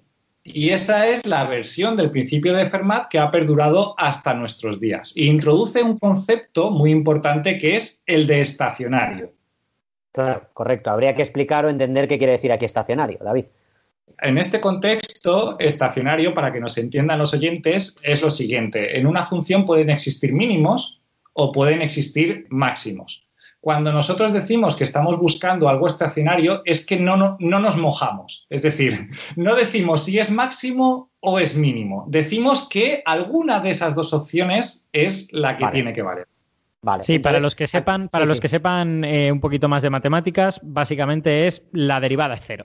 Correcto. Entonces, correcto. en el, en el punto máximo de una montañita y en el punto mínimo de un En valle, dos, claro. la derivada es cero porque la tangente a esa curva es horizontal. Es horizontal. Básicamente. La pendiente de la tangente es cero, evidentemente. Mm. Entonces, David, aquí, claro, de esa forma lo que estás diciendo es que incluimos tanto si es máximo como es mínimo. Nos sirven las dos cosas. Efectivamente, Antonio, es precisamente eso. El concepto estacionario lo que nos permite es generalizar y no decir es máximo o es mínimo, sino decir es estacionario significa pues que a lo mejor es máximo o a lo mejor es mínimo. De, de- de esa manera no nos mojamos, es decir, no, Ya. no decimos es mínimo o es máximo. Correcto. Y, y, bueno, de todas formas, estamos en unos conceptos todavía, como decíamos, antes de la época de Newton. Todo esto va desarrollándose poco a poco, ¿no? Y Ya tenemos ahí que hemos visto al principio Herón, luego hemos matizado otra vez, ahora se sigue matizando. ¿Y cómo continúa esta historia? Claro, efectivamente, y de hecho estamos en el campo de la óptica. Correcto, Eh, sí, sí. Lo que ocurre es que este principio de Fermat, eh, en, eh, que se enuncia en 1662, por aquella época también había toda una serie de personajes muy ilustres, como pueden ser eh, Huygens, eh, como pueden ser los hermanos Bernoulli, como puede ser Leibniz, Casi y- nada, casi nada. casi nada, contemporáneos de, de- de Newton y grandes matemáticos y- y físicos y en general ilustrados. Sí. Y mm, este principio de Fermat, digamos, de alguna manera Fermat había hecho una cosa que él no se imaginaba que iba a tener tanta trascendencia. Y es precisamente eh, decirle a la comunidad científica de aquella época, oye, para entender el, mo- el movimiento, a lo mejor podemos pensar de otra manera alternativa que no es el de concepto de fuerza, sino que es el concepto de lo que ha dicho eh, Alberto hace unos momentos, el concepto de que las cosas recorran mínimas distancias, recorran máximos tiempos. De alguna manera, eh, a lo mejor el movimiento no debe ser explicado a través de fuerzas, sino que a lo mejor hay un principio mucho más fundamental que nos está diciendo por qué tenemos que seguir ese movimiento. Estamos eh, diciendo, David, digamos, a ver si lo he entendido, lo que estábamos comprobando para la luz, en este caso, o para la óptica, ver si también tiene una extensión para el tema del movimiento y la mecánica, ¿no? Efectivamente, y ese principio de Fermat de la luz es lo que van a recoger toda esta gente que acabo de mencionar para aplicarlo al estudio del movimiento ya de la mecánica, es decir, de, de objetos como puedan ser bolitas o como puedan ser eh, pelotas de tenis o como puedan ser objetos Vale. más materiales. eh, En no movimiento, tanto- en movimiento, ¿no? Eso Vale. es. ¿Y qué empieza a aparecer ahí o qué pasa ahí? Entonces aquí empiezan a aparecer toda una serie de problemas eh, y uno de ellos es el problema de la tautócrona. Y el problema de la tautócrona es muy curioso porque... Vaya nombre, ¿eh? Vaya nombre. Tauto- Vaya tautócrona, ¿no? Tautócrona. Vale, cuéntanos, ¿qué es el problema de la tautócrona? Pues eh, el problema de la tautócrona es un problema que resuelve Huygens en 1659 y mm, es un problema que surge en un contexto muy curioso. Y es que resulta que en aquella época, para medir tiempos, pues no disponíamos de un reloj de pulsera o no teníamos relojes atómicos o no teníamos estos láseres tan modernos que nos permiten eh, medir tiempos de manera tan precisa. Y realmente para estudiar física, eh, pues uno necesita medir tiempos. ¿Y cuál es el reloj que se utilizaba en aquella época? Pues a. Alberto le va a gustar el péndulo. Vale. Entonces, claro, uno para hacer física necesita medir tiempos y para medir tiempos se idea el péndulo. Pero claro, el péndulo, si no lo construyes bien, eh, si lo desplazas poquito de su posición de equilibrio, medirá un tiempo diferente que si a lo mejor lo desplazas mucho de su posición de equilibrio. Te medirá otro tiempo diferente, es decir, la oscilación será más corta o la oscilación será más larga. Entonces, lo que Huygens estaba buscando era ver si podía construir algún reloj de tipo péndulo que fuera tautócrono. ¿Y qué significa eso? Significa que aunque lo desplazáramos poco de la posición de equilibrio o aunque lo desplazáramos mucho, iba a llegar al mismo tiempo a su posición de equilibrio. Entonces, él se dio cuenta de que el péndulo tautócrono se podía construir siempre y cuando la trayectoria que describiera fuera una curva, que es lo que se llama la cicloide. Y la cicloide básicamente pues es esa curva que los péndulos hacen cuando oscilan de un sitio a otro. Correcto, o sea que ahí ya tenemos a Huygens, que también estudió mucho el tema de la luz, pero aplicándolo, en este caso al péndulo, el péndulo del que ya habíamos hablado antes, que lo volveríamos a ir retomando a lo largo del programa para ir viendo la mecánica aplicada conforme vamos avanzando. Y aquí encontramos ese péndulo y esa tautócrona, esa búsqueda de una curva mm, que lo que hace es medir tiempos iguales, podríamos decir, ¿no? Tarda el mismo tiempo en oscilar. Alberto. Pregunta David, ¿sabes si se llegó a construir algún péndulo restringido a que, a que siguiera esa curva y que por lo tanto fuera tautócrono? ¿O esto fue un estudio, digamos, teórico y ya está? No, no, efectivamente, a partir de que Huygens estableció que eh, la cicloide era la que resolvía el péndulo tautócrono, los, los péndulos empezaron a construirse de manera que describían trayectorias tipo cicloide. Ajá, qué guay.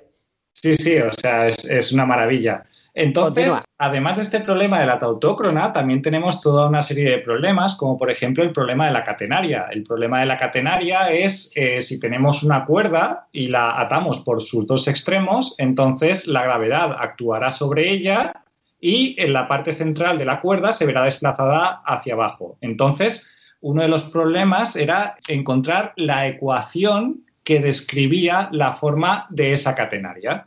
Y eso se encontraba también, eh, de nuevo, minimizando la longitud que tenía que adoptar esa cuerda atada por los dos extremos. Mm. Es la cuerda que, por ejemplo, pende de los hilos de la luz, ¿no? Los hilos de teléfono, pues es esa cuerda, o, de, o en el ferrocarril, esas cuerdas típicas, o en un puente, pues es una catenaria, ¿no? Que va cayendo y por su propio peso, simplemente por su propio peso, coge una forma determinada, que no es una parábola, por cierto. Parece una parábola, pero no es una parábola. Alberto. Por cierto, fijaos que este es un problema de un sistema continuo, porque una, cuerda colgando es un sistema continuo y es, difícil, de, es difícil, entre comillas, de resolver mediante mecánica newtoniana. Correcto. O sea, vamos ya mezclando cosas, vamos viendo cómo esos problemas que veíamos al principio, y creo que has puesto, Alberto, el problema de una cuerda, creo, como ejemplo de continuo o no continuo. Sí, exacto. Vemos como aquí tenemos el problema de una cuerda y que con la mecánica tradicional podríamos decir era difícil trabajar, pero ahora vemos cómo utilizando esas ideas va siendo un poquito más sencillo trabajarlas, ¿no, David? Eso es, efectivamente. Y simplemente por comentar un último problema, es un problema que resuelven los hermanos Bernoulli, eh, Jacob y Johann, en 1696. Son una serie de problemas que se estudian en, en unos pocos 30, 40 años de finales del siglo XVII y el problema de la braquistrócrona es muy parecido. Menudo nombrecitos, ¿eh? Ya, ¿eh? A ver, repite, este braquistócrona. Braquistócrona. Joder, dilo tú, va, tira, sigue. Bueno, entonces este último problema de la braquistrócrona es muy parecido al que había resuelto Huygens, pero lo que se intenta resolver aquí es si existe alguna trayectoria para la cual el objeto que cae sometido únicamente a la fuerza de la gravedad tarda el menor tiempo posible en caer. yo, quiero, yo quiero hacer un comentario respecto a todo esto que ha dicho David. Ha hecho un repaso, yo creo, muy interesante de, problemas eh, sobre los que se aplica algún tipo de razonamiento variacional, pero fijaos que todos estos problemas en principio eh, están un poco como dispersos, ¿no? O sea, son como cosas sobre las que alguien aplicó esta idea y nosotros Estamos, sin embargo, queriendo competir, entre comillas, contra la mecánica de Newton, que es una cosa súper general, que se aplica a los movimientos de cualquier sistema. O sea que estas ideas que estaban ahí flotando en el aire y servían para atacar algunos problemas concretos, tenían que cristalizar de alguna forma para poder ser tan generales y tan potentes como la mecánica de Newton. Y en este punto en el que estamos en la narración todavía no lo están, digamos. Claro, estamos en una etapa en la cual pues el movimiento se describe con la dinámica, con la mecánica de Newton, el movimiento lo causan las fuerzas, pero todo este tipo de problemas que aparecen en diferentes áreas, tanto en óptica como en mecánica, están empezando a dar la idea de que a lo mejor el movimiento lo podemos describir minimizando o maximizando algo, es decir, considerando situaciones estacionarias. Es que a lo mejor el movimiento de este objeto, como por ejemplo el de la braquistrócrona, es el que minimiza el tiempo de la, de la caída por la trayectoria. Es que el movimiento de la luz es tal que hace estacionario el camino que recorre es que el movimiento del péndulo tautócrono de Huygens es aquel pues que minimiza el, tiempo independientemente de la posición con la que cae el péndulo. Entonces, de alguna manera nos va dando, eh, digamos, una especie de...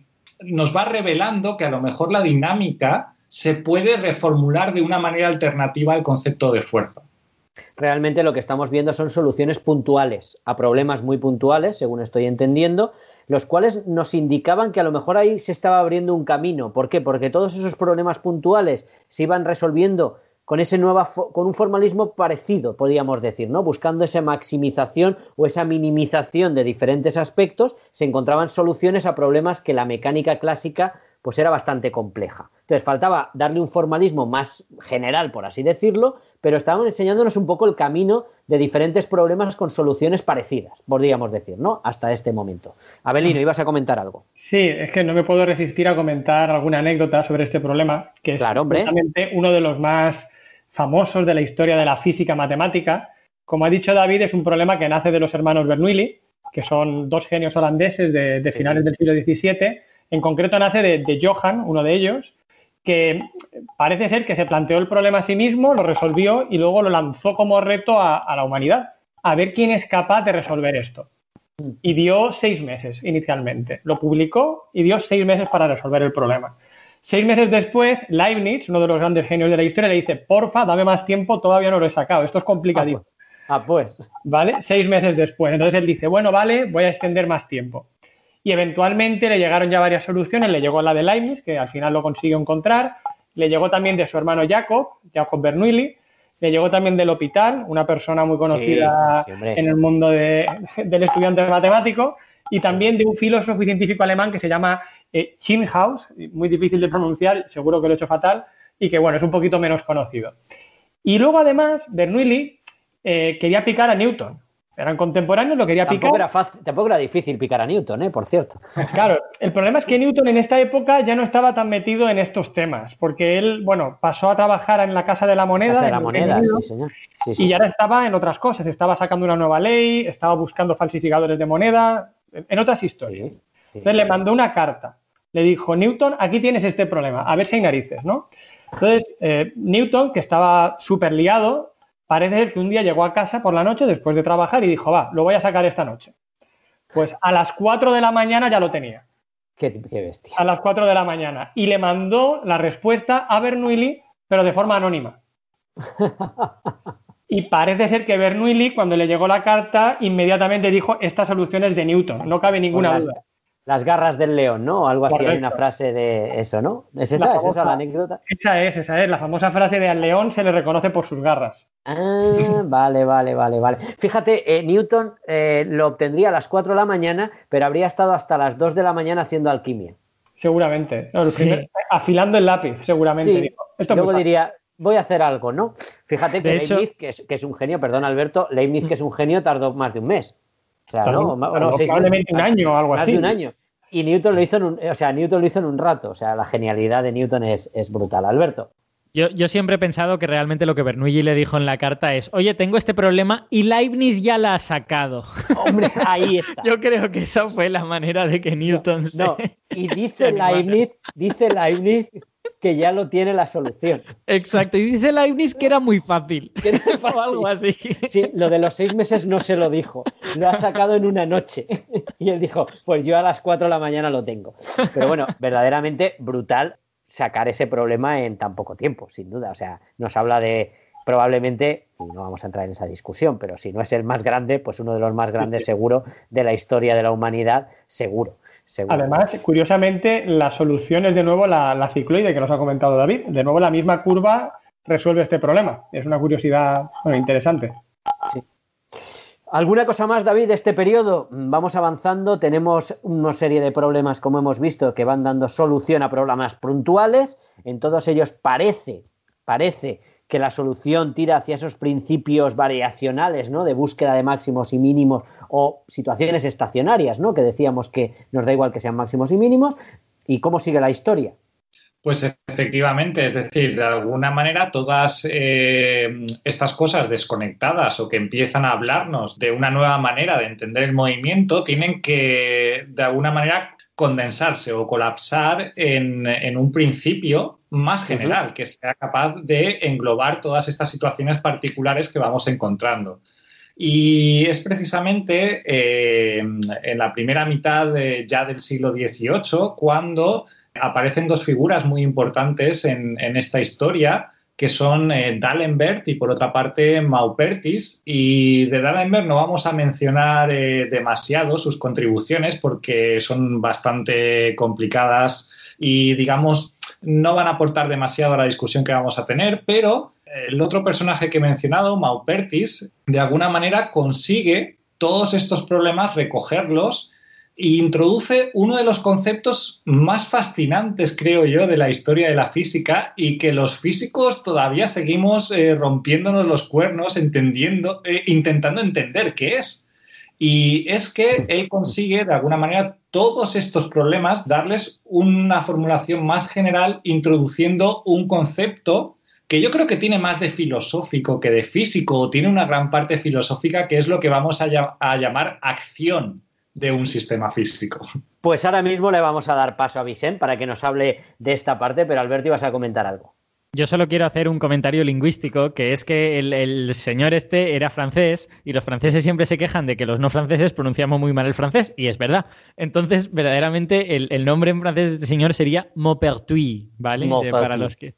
Es que en estas cosas, Alberto, pasa una cosa, que si lo castellanizamos, mm, pues puede quedar mal, pero como lo afrancesemos, lo pronunciamos tan mal que aún queda peor. No sabe uno cómo... No sé si me explico, ¿no? No sabe uno cómo hacerlo de forma más... No, además, además esto es un podcast y nuestros oyentes, si lo quieren buscar en internet, igual si lo pronunciamos en francés, no saben muy bien cómo escribirlo. Exacto. Maupertis, vamos. Por cierto, y ahora me cuentas, Vicente, pero Maupertis es uno de los que participó en las expediciones que se hicieron para medir el arco del meridiano, cuando había esa confrontación entre ingleses y franceses para ver si la Tierra estaba achatada por los polos o achatada por el Ecuador cosa que Newton no tuvo duda porque lo había calculado y dijo, está achatada por los polos, ahora vosotros haced lo que queráis y jugárosla o no.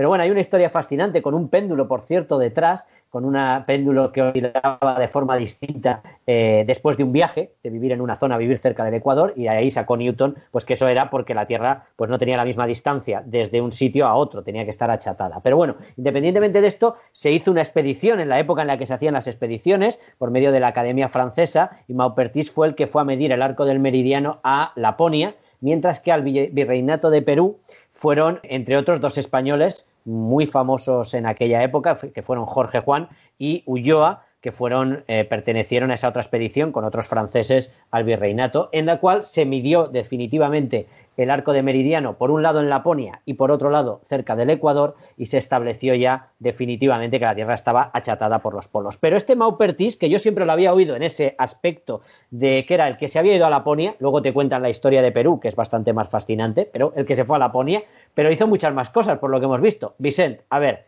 cuéntanos esto tan fascinante que ha dicho David de este señor Maupertis. Sí, yo voy a llamarlo Pierre Louis, que es un poquito más fácil por el nombre de pila, y así me quito, me quito un problema de encima. Venga, pues cuéntanos nuestro amigo Pierre qué hizo.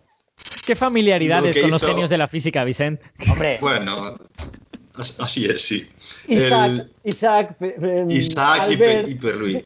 Y Pierre Louis, venga, vamos. Era, Pierre era, era un newtoniano convencido, eh, nació casi al final del, siglo XVII y justo en esta primera mitad, como explicaba David, pues va, a proponer un principio de mínima acción que podríamos llamar ahora, luego habrá otras versiones, pero su propuesta es, muy interesante, como digo, siendo un newtoniano convencido, pues defendía que, en efecto, pues las, fuerzas nos permiten explicar eh, muchos de los movimientos que observamos y realmente el formalismo lo conocía, pero también conocía estos trabajos incluso pre-newtonianos acerca de principios variacionales que explicaban ciertos fenómenos. De hecho, normalmente, como bien ha explicado David eh, con, detalle, los ejemplos en los que los principios variacionales se aplican no eran los mismos eh, a los que se suele aplicar, se solía aplicar la física newtoniana, movimientos planetarios, por ejemplo, incluso eh, choques de partículas puntuales, aunque esto ya sabemos que es una idealización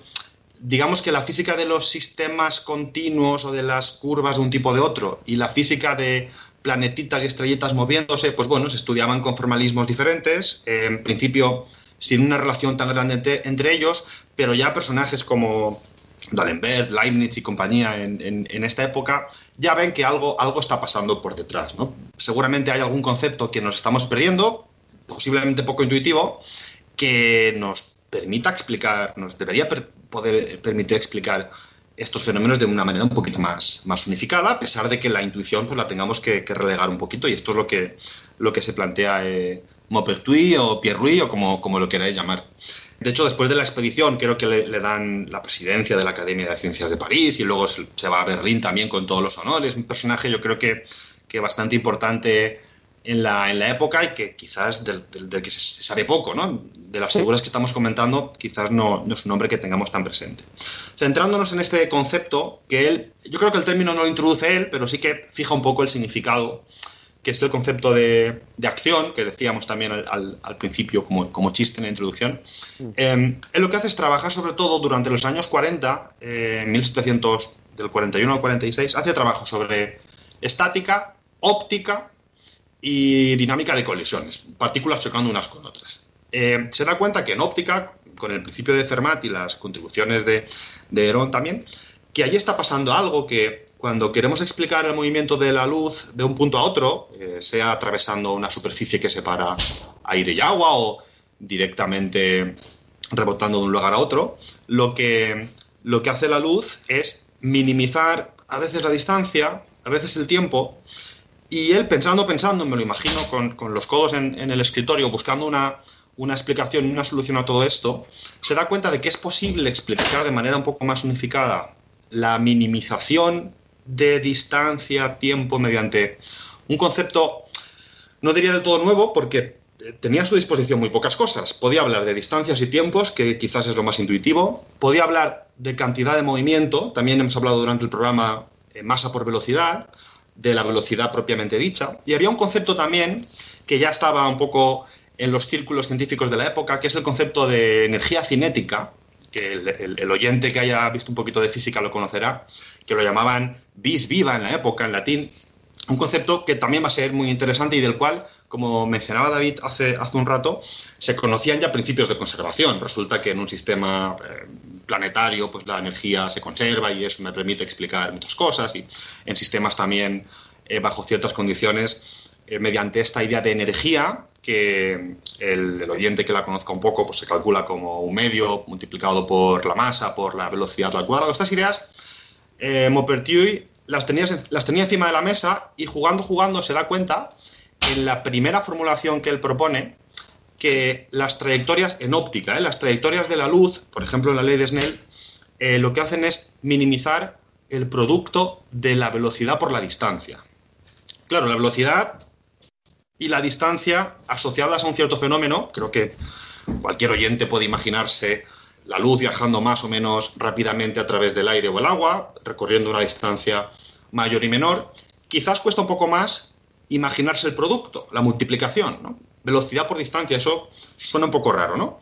Pero si pensamos en los dos conceptos por separado y entendemos que eh, un fenómeno como la propagación de la luz de un punto a otro va a estar caracterizado por lo rápidamente que se mueva y la distancia que vaya a recorrer, podemos darle un poquito de sentido al hecho de que luego la naturaleza decide que lo que ocurre cuando la luz viaja de un punto a otro no es que recorre la trayectoria más corta, ni la que menos tiempo le va a llevar, ni la que le va a llevar más tiempo, sino que recorre aquella trayectoria que le va a llevar un tiempo y va a consistir en una distancia tal que esta multiplicación va a ser la mínima de las posibles. Por supuesto, que yo ahora os cuente aquí y le cuente a la gente lo que, lo que decía Maupertuis no lo convierte en algo intuitivo, al menos no sé si alguien lo, entiende como algo muy evidente, pues que no sé, que nos, que nos lo cuente o, que nos diga eh, cómo verlo de manera un poquito más sensata, digamos. Pero escriba, escriba un ensayo, por favor. Escriba un ensayo y, no, y, nos, y nos avise, ¿no?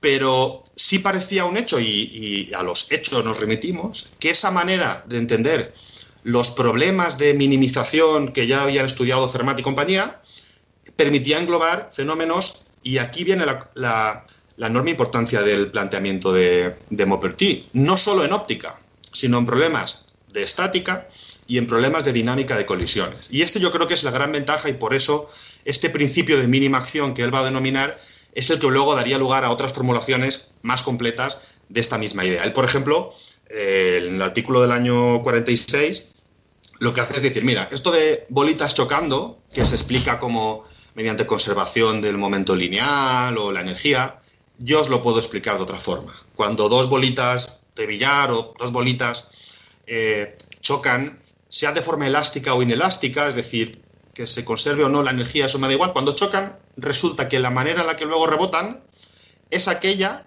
en la que durante el proceso la multiplicación de distancia por velocidad va a ser eh, mínima.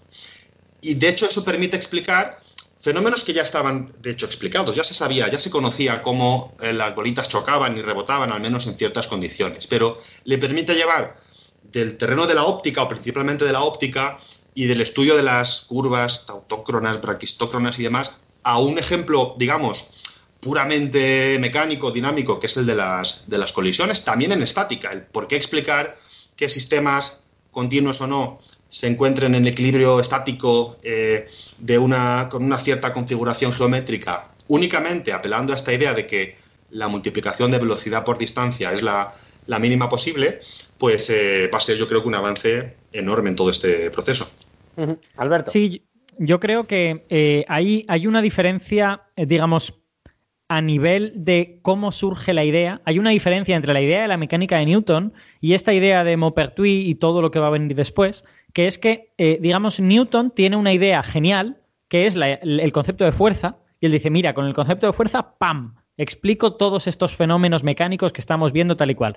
Mientras que todo este desarrollo de los principios variacionales es más bien una cosa que aparece, que mete la patita, que parece que sirve para explicar la luz, que luego parece que sirve para no sé qué. Ahora Maupertuis dice, oye, oye, que esto lo puedo generalizar un poquito y a lo mejor también sirve para cosas que no son la luz. Y vamos a ver cómo va creciendo toda esta idea y al final se adueña de la mecánica. En el, en el, en el siguiente paso, directamente podemos plantear toda la mecánica utilizando uno de estos principios. O sea que es como muy diferente, ¿no? Newton llega, como solía llegar Newton, como un elefante en una cacharrería y diciéndote, toma, aquí tienes la física, la, la, acabo de hacer esta noche, mientras que esto es más un concepto que se va desarrollando poco a poco y termina germinando en algo eh, extremadamente fértil, ¿no? Vicente. Sí, eh, de hecho, este es el primer paso de una formalización un poquito más general. Eh, como dice Alberto, añadiendo explicaciones parciales y con esta propuesta de un concepto eh, llamado acción, que yo creo que el concepto no, no, satisfacía a nadie realmente porque no teníamos una palabra para referirnos a velocidad multiplicado por distancia. De hecho, uh, yo creo que a recomendación de Leonard Euler, que estaba trabajando en estas cosas, eh, o Euler, como, como, lo queramos llamar, sí. eh, también, también por la época, lo que hace Pierre-Louis es multiplicar por la masa también esta acción. Dice, bueno, en lugar de velocidad por distancia, que él lo usa para explicar los fenómenos ópticos, bueno, cuando hay bolitas chocando, como también tienen masa, veo que necesito multiplicar por la masa para que aquello realmente funcione en la explicación. De modo que la acción maupertuiana sería masa multiplicada por velocidad multiplicada por distancia.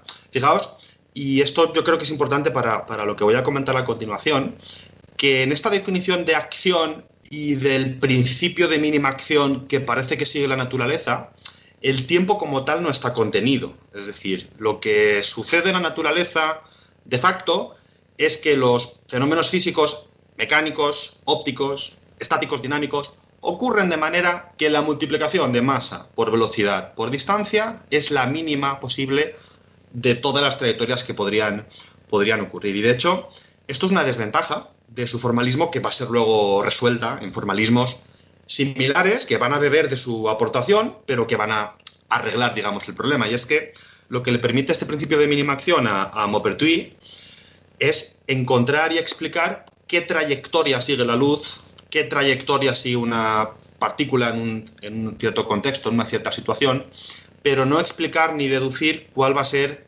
algo importantísimo en lo que veremos ahora, la ecuación del movimiento. Si va a ir muy rápida, muy lenta, si tarda mucho, si primero va rápida y luego va lenta, si se acelera o no. Lo que sí le permite obtener esta manera de plantear las cosas es eh, por dónde va a ir una partícula cuando colisiona una contra la otra o por dónde va a ir un rayo de luz, de manera que las trayectorias sí que se van a poder deducir, el lugar del espacio por el que transcurre la, partícula lo va a poder deducir sin, sin ningún tipo de problema. El añadir el tiempo en este tipo de planteamiento vendrá, vendrá a continuación.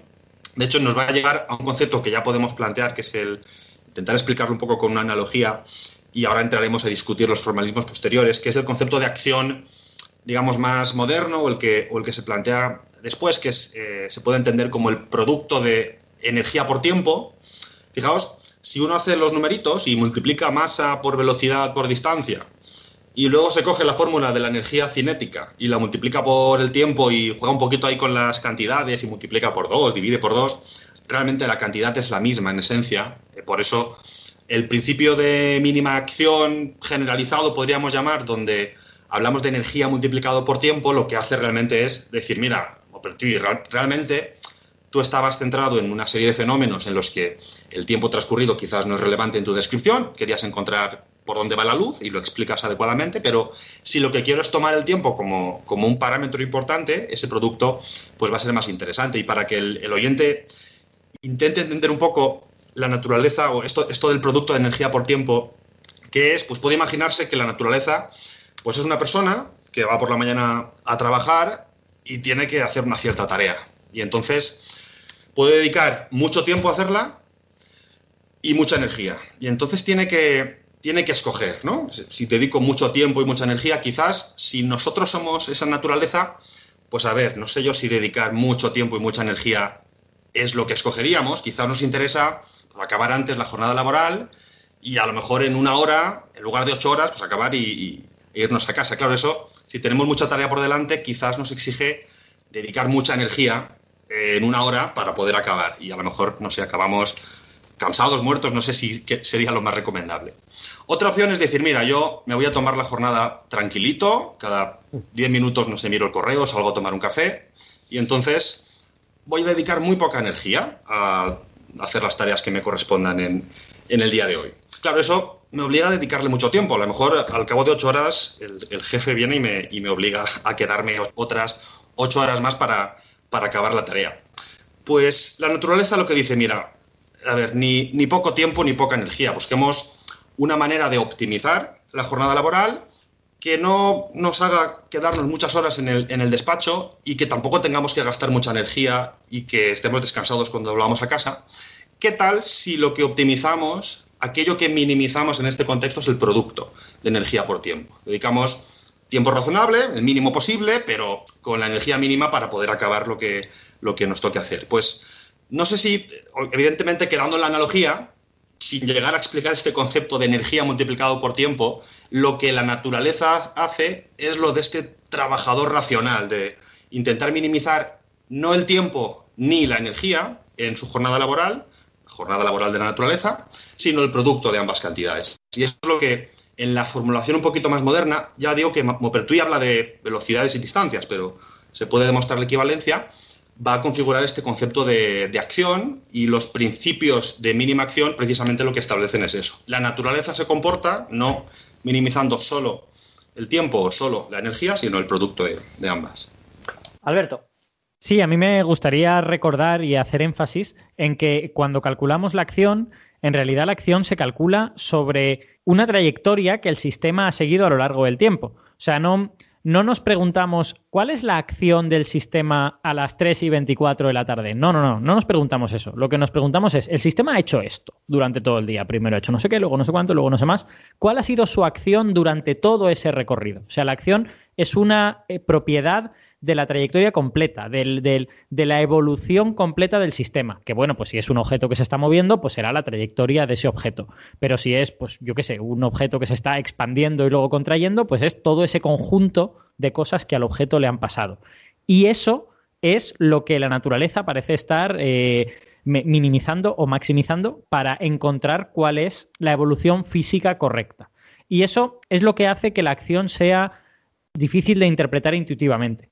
Porque no es algo que te puedas preguntar, vale, ¿y cuál es la acción de esta bombilla que estoy viendo yo ahora mismo ahora? No, no, es que eso no es relevante. Lo que es relevante es eh, lo que va a hacer la bombilla durante un cierto tiempo y la naturaleza va a minimizar esa cosa integrada durante todo ese tiempo. Y yo creo que eso añade una capa más de oscuridad, digamos, a este concepto de acción. O sea, que no es como, por ejemplo, saber la velocidad de algo que la puedes saber puntual en un momento y tiene una importancia, sino lo que interesa aquí no es el momento puntual, sino el proceso global, podríamos Eso es. Vicent. Sí, de hecho, una de las dificultades que tendrá ese concepto, precisamente por lo que dice Alberto, es la de darle un... Antes planteábamos que la mecánica newtoniana tiene el problema de las fuerzas a, distancia, ¿no? El problema de que al ser a distancia, bueno, pues la acción, la acción tiene un problema grave también, y es que que lo básico para explicar cómo se mueven las cosas sea algo que no es de la partícula a las 3 de la tarde en la posición no sé cuál, sino que caracteriza, además, quizás no solo a la trayectoria que sigue, sino a las trayectorias que podría seguir, y eso además conecta con cosas posteriores, ¿no? Siglo XX, pues, hombre, deja un punto de insatisfacción que se ve compensado quizás por el hecho de que es un concepto que generaliza y permite explicar muchos movimientos y no solo, no solo mecánica, como decíamos antes, sino realmente unificar hasta cierto punto explicaciones en, mecánica y en, y en, óptica. De hecho, un comentario también al respecto del ejemplo que proponía Alberto al principio del muelle, porque o del péndulo, queremos explicar el péndulo, perdón, la del el péndulo, el oscilador armónico, en el formalismo de Pierre-Louis, em, es complicado intentar encontrar la solución al péndulo, precisamente porque si queremos calcular, como propone él, velocidades por distancias, yo lo que no conozco, de hecho, es la velocidad que va siguiendo el péndulo cuando se mueve de un lugar a otro. Y este formalismo como tal impide hacer un análisis cuya solución sea sencilla. Por eso él lo propone para sistemas de partículas que colisionan, en el que la velocidad es constante, problemas de óptica, donde la luz cuando viaja por el agua irá más rápida o más lenta, pero su velocidad no va cambiando. En cambio, para el péndulo, el hecho de que la velocidad vaya cambiando hace que plantearse la acción como se la plantea Maupertuis no es práctico y de hecho no resuelve el problema del péndulo, que sí se podrá resolver con el formalismo que vendrá a continuación, que supongo que hablaremos ahora eh, enseguida de él. Simplemente comentar el, el ejemplito este.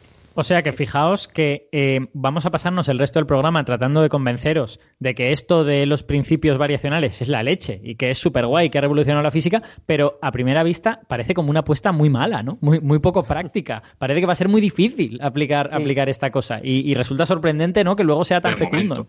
Sí, pero... No, es, perdona David, es como decías Alberto, no es tan espectacular como un, lo de Einstein o lo de Newton, ¿no? Que dijeron, aquí está, aquí está la espectacularidad, sino que son cosas que parece que sí, parece que no, pero van a ir poco a poco a lo largo de los años cuadrando el puzzle, ¿no? Podríamos decir, creo que es la forma de decirlo. David, querías comentar.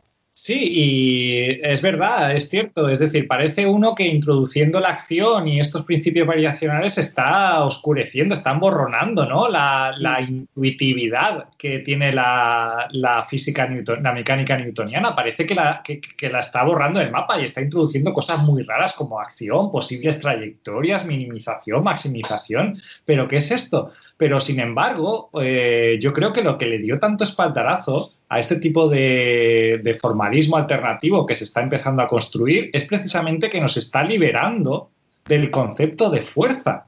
Es decir, del problema que tiene, del problema que acarrea el concepto de fuerza, ¿no? Que decía Alberto, que tiene muchas ventajas, pero tiene también inconvenientes, ¿no?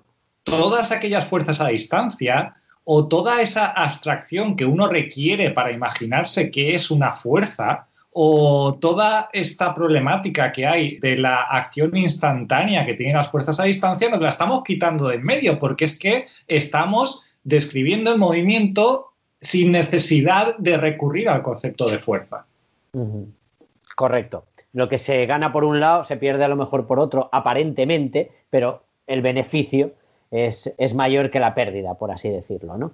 Abelino, eh, damos un paso más y vamos a una nueva formulación, a un saltito porque aquí hemos avanzado ya bastante, ya tenemos no una generalización global, pero ya no son problemas puntuales, ya hemos dado un saltito bastante eh, interesante, pero claro, seguimos dando saltos, ¿no? Sí, eh, Maupertuis con eh, su principio pues establece por primera vez esta idea de acción, este principio variacional del que habéis estado hablando y efectivamente consigue resolver algunos problemas, pero no todos. Hay problemas, como el que ha comentado Vicent, que no lo puede resolver. Em, a todo esto, pues llega otra figura que también es fundamental en toda esta historia, que es la de Lagrange, que es conocido como uno de los matemáticos más importantes de la historia, de origen, bueno, su padre era francés, como su apellido indica, pero él realmente nació en Turín, nació en Italia. Y bueno, él es conocido por infinitud de teoremas en cálculo, en análisis, en un montón de cosas. Era un genio, sin ninguna duda. él quería conseguir una formulación de la mecánica que no necesitara fuerzas. Esto de las fuerzas no le gustaba. Que además se pudiera resolver solo con métodos propios del cálculo, del análisis, derivadas, integrales, estas cosas. Nada de vectores, ni fuerzas, ni geometría. Él quería algo realmente que pudiera tocar con las manos, funciones matemáticas, derivadas y operadores sobre ellas. Y ya está. Y bueno, si, si, me, si me permites un pequeño comentario, Abelino, eh, estamos, estamos ya como un siglo después de Newton, más o menos, y, pero sigue estando presente esta idea de que la fuerza es un concepto un poco esotérico, es una cosa rara, útil que Newton introdujo, pero que si nos podemos librar de ella, pues igual nos quitamos un peso encima, ¿no? Eso es, eso es. Además, matemáticamente, bueno, cualquier estudiante, si puede quitarse eh, vectores y puede trabajar con funciones, pues mucho mejor, más práctico, no hay que poner flechitas por todas partes, no hay que estar considerando coordenadas, geometría, imaginar en 3D. Si puedo trabajar con funciones, mucho más fácil, ¿verdad? Entonces, bueno, ese fue el propósito que, tenía Lagrange. Y él, bueno, bebía de todas estas fuentes que hemos comentado. Él conocía los trabajos previos de Maupertuis, conocía también, lo hemos mencionado muy de pasada, trabajos de, de D'Alembert, del principio de los trabajos virtuales, que era otro de los principios que se discutía por la época, que hablaban, pues, seguían unidos a la idea de fuerza, porque esto de trabajo eh, es un concepto que aparece en la física de Newton, en la mecánica de Newton. Entonces, él, con todo esto, él fue capaz de derivar una nueva formulación de la mecánica que no necesita utilizar fuerzas. Las fuerzas no existen en la mecánica de Lagrange. Él realmente lo hizo a través, como os digo, de todos estos conocimientos previos pero hoy en día eh, sabemos que toda la mecánica de Lagrange se puede derivar de un principio variacional potentísimo, que es el principio de Hamilton. Hamilton, eh, años después, es posterior a, Lagrange, unos 40 o 50 años después, encontró que toda la mecánica que ahora os voy a contar de Lagrange se obtiene de decir que la acción, la acción como concepto moderno, no la de Maupertuis, sino una acción más moderna, es estacionaria. Es decir, ha de ser un máximo, un mínimo, eh, a partir de imponer eso, sale toda la mecánica de Lagrange. Es como una consecuencia inmediata. Y por otro lado, también incido en que la mecánica de Lagrange, aunque suene muy distinto, es equivalente totalmente a la física de Newton. Es lo mismo, pero va a utilizar conceptos muy diferentes. Claro, no es un cambio de paradigma totalmente, no es un tirar por tierra, no estamos pasando de la física newtoniana a otra física distinta. Seguimos en la misma, pero con una formulación distinta. Eso es, es como un lenguaje distinto para hablar de lo mismo. ¿Vale? En vez de hablarte pues en castellano, como estamos hablando ahora, pues te voy a hablar en chino. Pero estoy hablando de lo mismo, es exactamente lo mismo. Hay un diccionario que yo puedo establecer entre la mecánica de Newton y la de Lagrange. Un diccionario complicado, ¿eh? no digo que sea fácil. Sí, sí, sí, sí, te entiendo, te entiendo. Pero lo hay. Eh, por ejemplo, el objeto principal en la mecánica de Lagrange es una función que se llama el lagrangiano. Es una función que depende de las coordenadas y de sus derivadas, además de posiblemente del tiempo. ¿Vale? Es una función matemática, como puede ser la función x cuadrado o otra función que podamos imaginar, y sobre, él, sobre ella se pueden hacer operaciones matemáticas. Además, he dicho coordenadas, pero debería haber dicho coordenadas generalizadas, porque la mecánica de Lagrange es muy potente porque no necesita utilizar las coordenadas espaciales que sí que necesitaba utilizar Newton. Por ejemplo, si en vez de utilizar x y z quiero utilizar un ángulo, la posición respecto al eje z y eh, la longitud que he recorrido en una cierta cuerda, también me vale. Cualquier combinación de variables que sean capaces de describir mi sistema es válida, siempre y cuando sean independientes entre ellas, claro. Ese es el único requisito importante. Claro, ahora la madre del cordero es ¿y cuál es el contenido físico de esta función llamada Lagrangiano? ¿no? ¿Qué, es la cosa que describe esta función? Claro, e, en ese sentido es muy parecido a la fuerza. Es decir, David ha dicho antes, dame la fuerza, encuentra la fuerza como clave en la física newtoniana. En la física lagrangiana será, dime el lagrangiano. Si tú me dices el lagrangiano del sistema, yo lo sé todo. Soy omnipotente en cuanto a la capacidad de describir el sistema, lo sé todo. puedo saber cómo va a evolucionar, puedo saber en qué estado se va a encontrar en cada momento. Ahora, ¿cómo encuentro el lagrangiano? Pues tenemos la suerte de que para muchísimos sistemas, la gran mayoría, se puede calcular como la diferencia entre la energía cinética, que ha aparecido ya antes, comentada por Vicente, y la energía potencial. Calculo esa resta y me sale el lagrangiano. ¿Vale? La energía cinética, como ha dicho Vicente, es la energía asociada al movimiento y la energía potencial es la energía que tiene un cuerpo eh, en relación con otros cuerpos que están ejerciendo fuerza sobre él. Por ejemplo, la energía potencial en el campo gravitatorio, la energía potencial en un muelle, porque me está trayendo un muelle, etcétera. O sea que de alguna manera este objeto, este lagrangiano, lo que codifica es el contenido de energía de tu sistema, ¿no? Y, lo codifica como todo junto, digamos, no, no te hace falta decir, no, aquí tengo dos objetos, este objeto está colocado aquí, su energía potencial es no sé qué, sino que digamos que está todo ahí sumado, toda la energía cinética, la energía potencial, bueno, es, energía cinética menos energía potencial, no está sumado, pero, pero digamos que está todo concentrado en ese sitio. Y eso es lo que te permite hacer esta cosa que tú has dicho, que es ponerlo en las coordenadas que tú quieras como no has de identificar a cada uno de los objetos por separado de manera explícita, pues bueno, tú puedes elegir la manera de describir esto como a ti mejor te venga, digamos. Sí, pero lo curioso, lo curioso de esto es que al final eh, lo importante y la información te la da un balance de energías, o sea, una resta de las dos energías, eso te da toda la información para desarrollar todo, todo lo que viene después solamente. Sí, si me permites, Averino, efectivamente, al igual que en la mecánica newtoniana, el objeto a considerar es la fuerza, en la mecánica lagrangiana, la magnitud a considerar es la energía. Vale que sea resta de energía cinética menos energía potencial, pero digamos de alguna manera el formalismo newtoniano apela a, la magnitud fuerza y el formalismo lagrangiano apela a la magnitud energía. Y esas dos cosas no son, esas dos cosas no son independientes, porque sabemos que en el formalismo eh, newtoniano podemos averiguar una fuerza a partir de la energía. O sea que de alguna manera, bueno, pues estamos eh, recociendo la misma cosa con un lenguaje un poco distinto. Y Lagrange descubre que, en lugar de utilizar fuerzas, utiliza energías y puede llegar más o menos a, resultados similares, digamos. Mm. Vicente, querías apuntar algo.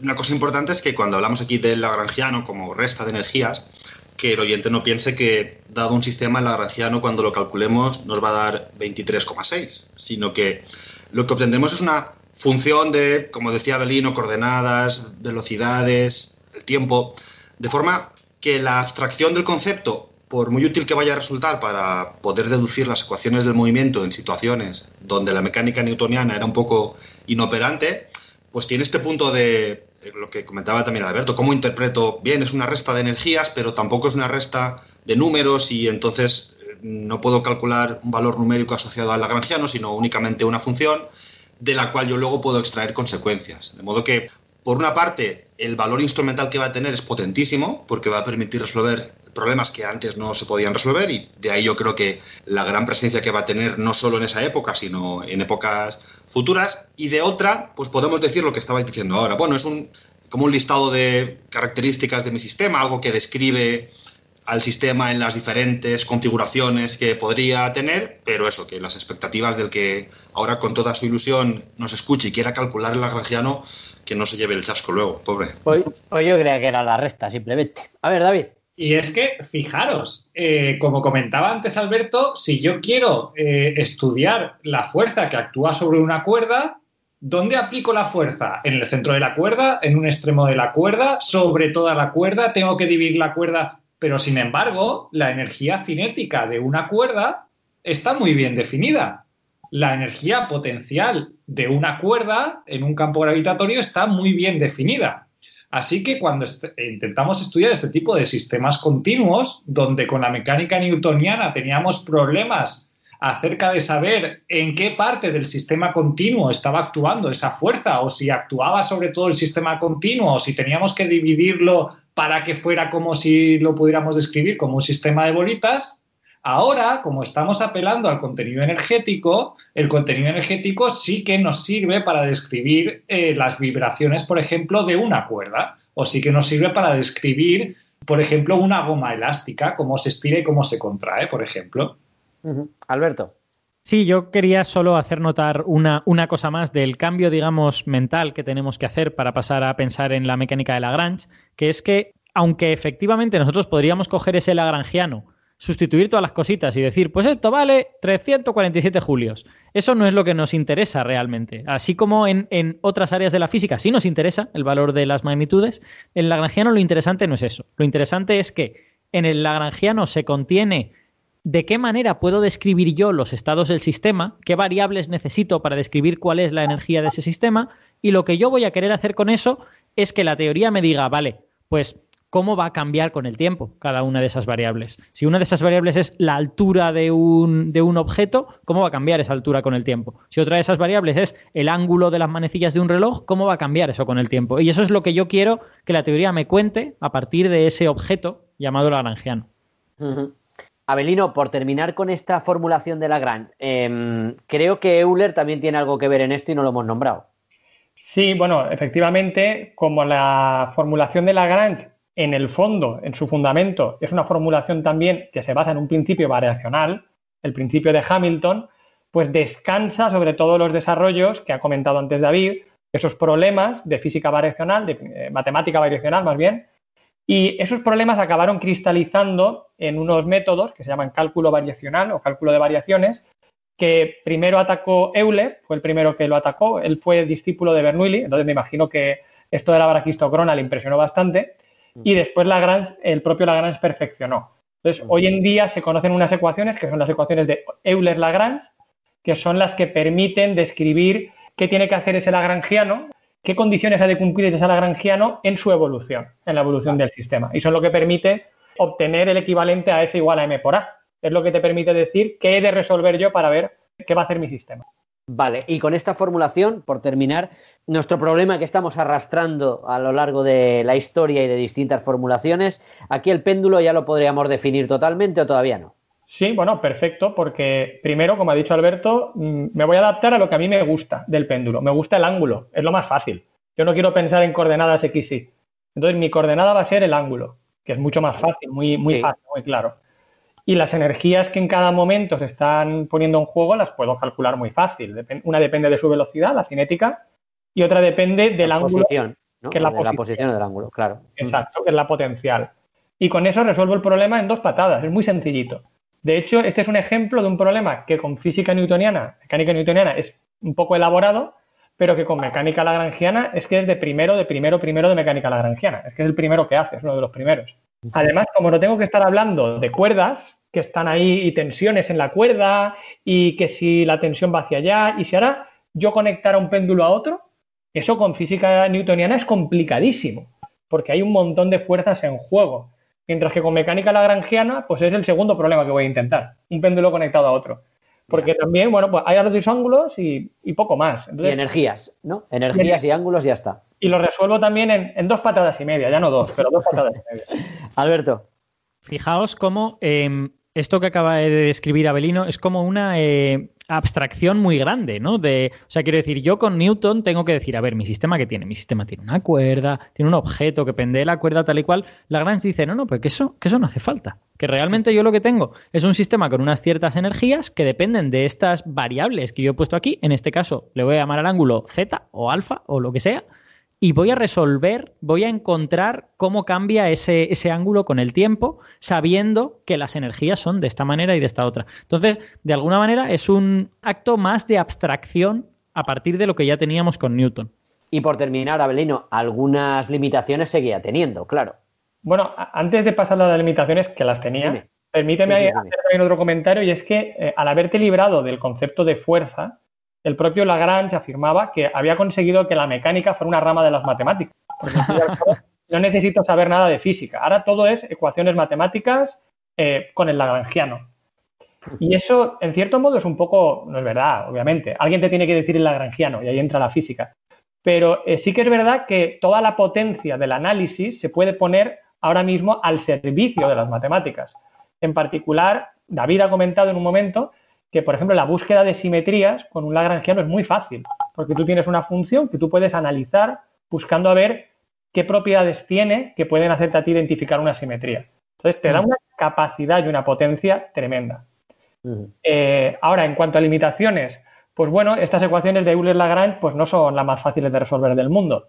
Son ecuaciones de segundo orden, para el que sepa sobre ecuaciones diferenciales, y eso a veces pues, no es tan fácil de resolver. Entonces, bueno, tenemos una formulación alternativa de la mecánica muy bonita, que se ha librado de muchos problemas, pero bueno, a lo mejor algunos problemas todavía sigue teniendo, no es la más fácil del mundo de manejar. En fin, vemos cómo poco a poco se va avanzando y pesar de esa dificultad, pues sí que era una dificultad a lo mejor para resolver, pero permitía reducir la dificultad que producía la propia mecánica newtoniana para algunos problemas, ¿no? Y a esos problemas de las fuerzas que estábamos hablando. Vamos a hacer, si os parece, la última pausa y volvemos y rematamos, porque queríamos hablar un poquito de Hamilton, que ya lo hemos nombrado alguna vez, y hacer un pequeño resumen de todo lo que estamos hablando, que creo que estamos hablando largo y tendido de esa parte desconocida de la mecánica. Pero antes vamos con un pequeño consejo de nuevo y volvemos enseguida aquí en la Ciencia Cierta. Y por cierto, saludamos desde aquí a los amigos de Nexus que se unen con nosotros desde hoy, nos apoyan y eso nos alegra mucho, que nos permite seguir aquí con todos ustedes. Así que gracias a Nexus. ¿Tienes que realizar un evento promocional? Nexus. Te ofrecemos la gestión integral de tu evento sin que tengas que preocuparte de nada. Llámanos al 96 358 0542 o visítanos en nexusagencia.com. Eventos, azafatas y promociones. Nexus.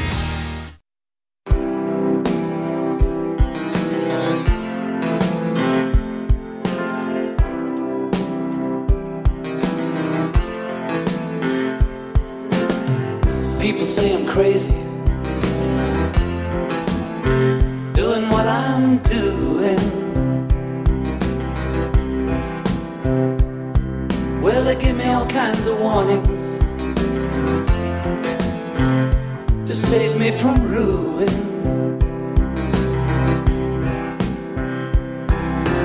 When I say that I'm okay, well, they look at me kind of strange. Surely you're not happy now, you no longer play the game.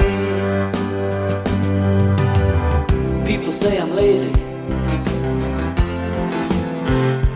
dreaming my life away. Well, they give me all kinds of advice designed to enlighten me. I tell them that I'm doing fine, watch your shadows on the wall. Don't you miss the big time, boy, you're no longer on the ball.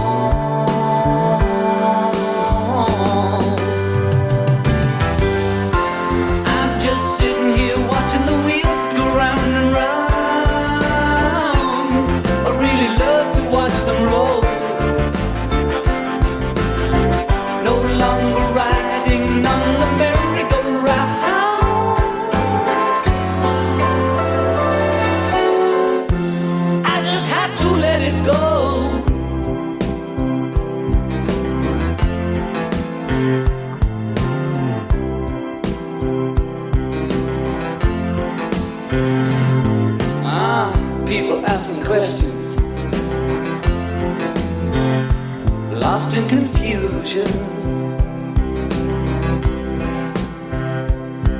Well, I tell them there's no problem, only solutions. Well, they shake their heads and they look at me as if I've lost my mind. I tell them there's no hurry, I'm just sitting here doing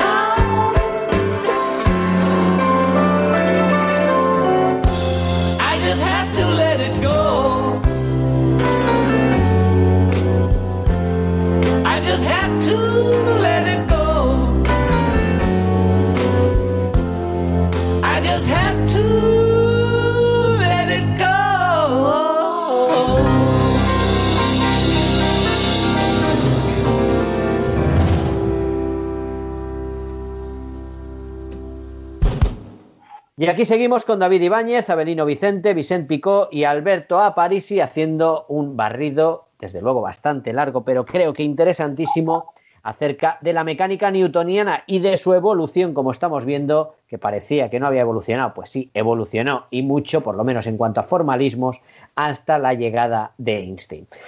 Habíamos hablado de Lagrange. ¿Querías, Abelino, por rematar el tema de Lagrange, alguna cosa interesante? Sí, por concluir, incidir una vez más en que se trata de una formulación que se basa en un principio variacional, que es el principio de Hamilton, que nos dice que la acción ha de ser estacionaria. Y de ello se derivan estas ecuaciones de Euler-Lagrange que hemos comentado, que son las que te dan la, evolución del lagrangiano. Perfecto. David, sí, yo, mm, si, me, si, me, permites, yo añadiría ahí una cosa que me parece curiosa, que es eh, ver cómo eh, este principio variacional, esta, esta estacionarización de la, de la acción, eh, básicamente nos devuelve la física. O sea, quiero decir, el, planteamiento de Lagrange es súper general. Tú le das una cosa que contiene información sobre la energía de tu sistema y él te escupe al otro lado, gracias a este principio variacional, cómo evoluciona el sistema con el tiempo. O sea que de alguna manera el principio variacional ya se convierte en una cosa que está como en el fondo de la física, ¿no? De él emergen todo tipo de cosas, emerge el movimiento, emergen lo, que Newton explicaba con fuerzas, todo emerge de ahí y se convierte gracias a eso en una cosa extremadamente poderosa, ¿no? Como si, como si de verdad hubiera algo muy fundamental de la naturaleza en ese tipo de principios variacionales y en concreto en esta eh, magnitud tan peculiar y a veces difícil de explicar que es la acción.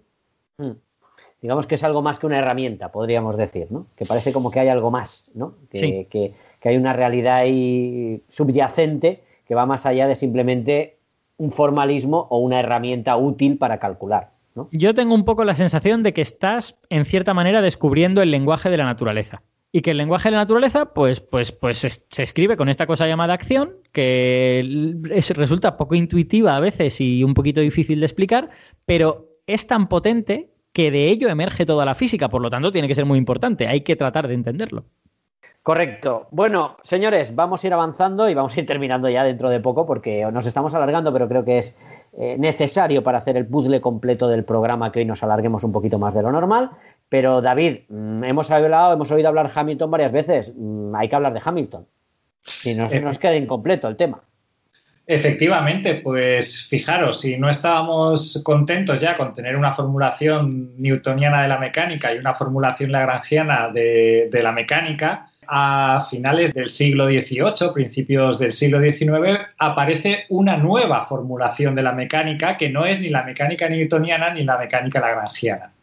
¿Y por qué aparece esta formulación? Pues eh, mirados, cuando uno aprende a usar la mecánica lagrangiana, como acaba de comentar Alberto, pues eh, se crece, es decir, eh, mm. piensa que está describiendo la naturaleza desde un punto fundamental, después llega y resuelve el problema del péndulo, como había dicho Abelino, en vez de estar poniendo ahí tensiones, pesos, pone dos líneas, ¿no? Y, le aparece la solución del péndulo. Y, y, claro, uno se siente poderoso, ¿no? Se siente, digamos, la primera vez que uno aprende a usar la mecánica lagrangiana, eh, se siente Dios, o sea, os, lo digo así.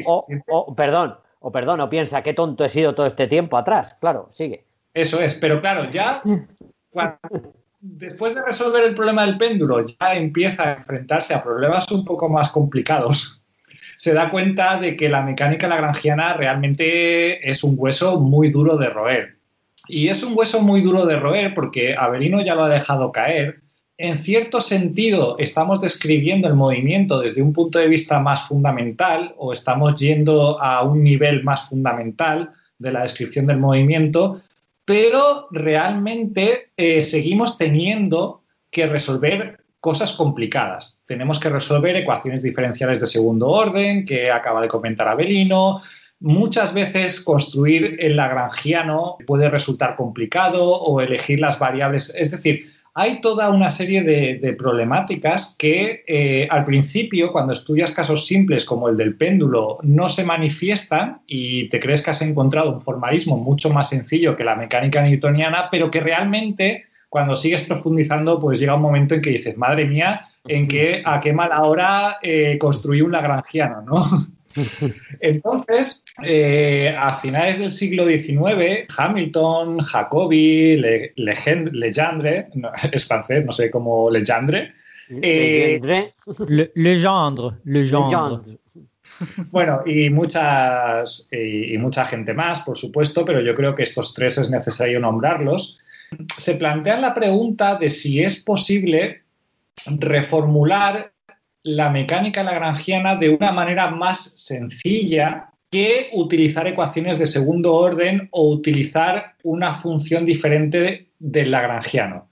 Y entonces ellos empiezan a desarrollar una mecánica, que es lo que se llama la, mecánica hamiltoniana, en honor a Hamilton, que fue uno de los grandes físicos que, que desarrolló esta teoría. Y lo que se plantea Hamilton es la siguiente idea. Vale, Lagrange utiliza una función que se llama la función lagrangiana. Y la función lagrangiana tiene un contenido energético y de hecho, la- lo hemos comentado antes, es la diferencia entre energía cinética y energía potencial. Sin embargo, hay otra combinación de energías que resulta mucho más natural que la resta de energía cinética y energía potencial y es precisamente la suma. Es decir, La suma de energía cinética y la suma de energía potencial, porque eso es precisamente la energía mecánica. Claro, Así como Lo, la lo que viene siendo la energía total. sí. Eso es. O sea, y de, de- de hecho, nosotros muchas veces nos enseñan la conservación de la energía mecánica. Nos Correcto. dicen, oye, mira, en ausencia de rozamiento y tal y no sé qué, si yo dejo caer un objeto, puedo decir que arriba tenía energía potencial, cuando llega al suelo eh, tiene energía cinética y por conservación de la energía mecánica puedo igualar las energías y puedo sacar la velocidad a la que cae una piedra, por ejemplo, Y- cuando no hay rozamiento. David, y resolver de esa forma los problemas que había resuelto de otra forma hasta ese momento. Aplicando las fórmulas de la cinemática, ahora se pueden resolver con la, con la conservación de la energía cine- de mec- mecánica perdón, en muchos menos pasos. Efectivamente. Entonces, eh, lo que se dan cuenta Hamilton, Jacobi y toda esta gente es que resulta más natural eh, cambiar nuestra función lagrangiana, que su contenido energético no, está, no es tan intuitivo o no está tan bien definido como es lo que es la energía mecánica. Es decir, vamos a cambiar nuestra función lagrangiana por una función hamiltoniana que ahora sea la suma de energía cinética y energía potencial para que nos coincida, esta vez sí, con la energía mecánica de un sistema. Entonces, claro, de esta manera construyen una nueva función que se llama función hamiltoniana, que es la suma de energía cinética y energía potencial. Y esta al oyente sí que le vamos, le vamos a poder dar una interpretación muy sencilla. Es que la función hamiltoniana, todo hay que decirlo bajo ciertas condiciones, es precisamente la energía mecánica de un sistema físico. O sea, la suma de esas dos energías, cinética y potencial. Alberto. Eh, sí, además hay un. O sea, ese, ese es el primer cambio, digamos, que introduce la formulación hamiltoniana, pero hay un segundo cambio que puede parecer, no sé, puede parecer insignificante o puede parecer como raro y difícil de interpretar, pero en mi opinión es el cambio más profundo, que es que en la formulación hamiltoniana uno renuncia a estas ecuaciones de segundo orden que tenía Lagrange. Segundo orden significa que tiene segundas derivadas. Sí. Eh, y lo que tiene es ecuaciones de primer orden con una sola, con una primera derivada, pero a cambio tiene el doble de variables de las que tenía antes. Es decir, eh, Lagrange funcionaba con una serie de coordenadas que le definían las energías del sistema. Hamilton lo que hace es se queda con esas coordenadas, pero introduce otra más por cada una de ellas. Y esa otra más que introduce se llaman los momentos conjugados de las coordenadas, que pueden ser muy genéricos y muy abstractos, pero podemos entenderlos con un ejemplo muy sencillito. Si eh, cogemos un caso en el que Lagrange describe las energías mediante las coordenadas de Newton de toda la vida, x y z, los momentos conjugados de esas coordenadas es lo que llamamos el momento lineal, ¿vale? Que, que lo hemos mencionado antes, que es masa por velocidad. Por lo tanto, el momento conjugado de x es masa por la componente x de la velocidad, el momento conjugado de y masa por la componente y, etcétera, etcétera, etcétera.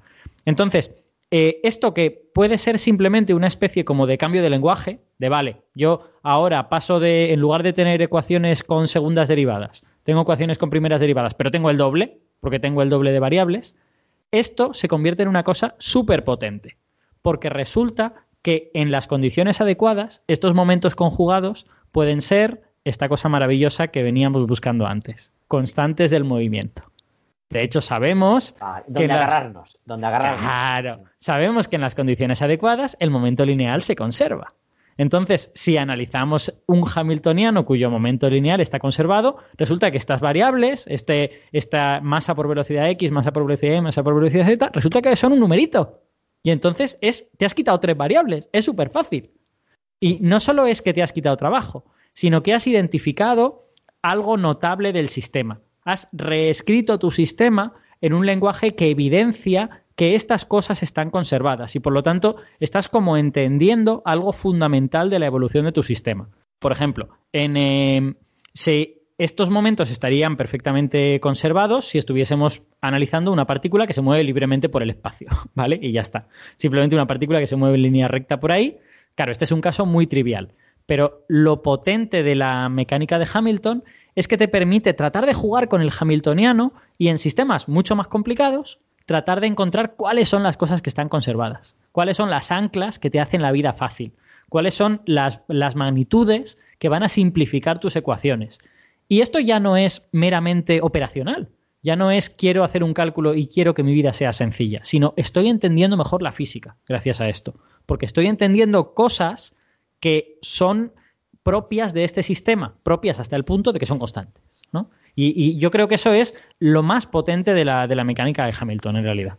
Mm. O sea, que más allá de la facilidad que puede tener de cálculo, me da información intrínseca sobre ese propio sistema, podríamos decir, ¿no? Me permite conocer mejor el sistema, conocer mejor la naturaleza hasta cierto punto. ¿no? Sí, yo creo que ahonda en esto que decíamos antes, ¿no? De que eh, los principios variacionales parecen estar más relacionados con el lenguaje de la naturaleza, sea Sí. lo que sea lo que eso significa, Sí. pues cuando tú ahondas en ese camino, terminas encontrando eh, cosas del lenguaje natural de los sistemas físicos, ¿no? El encontrar cantidades conservadas en un sistema físico es de alguna manera estar hablando el lenguaje que ese sistema físico está hablando, ¿no?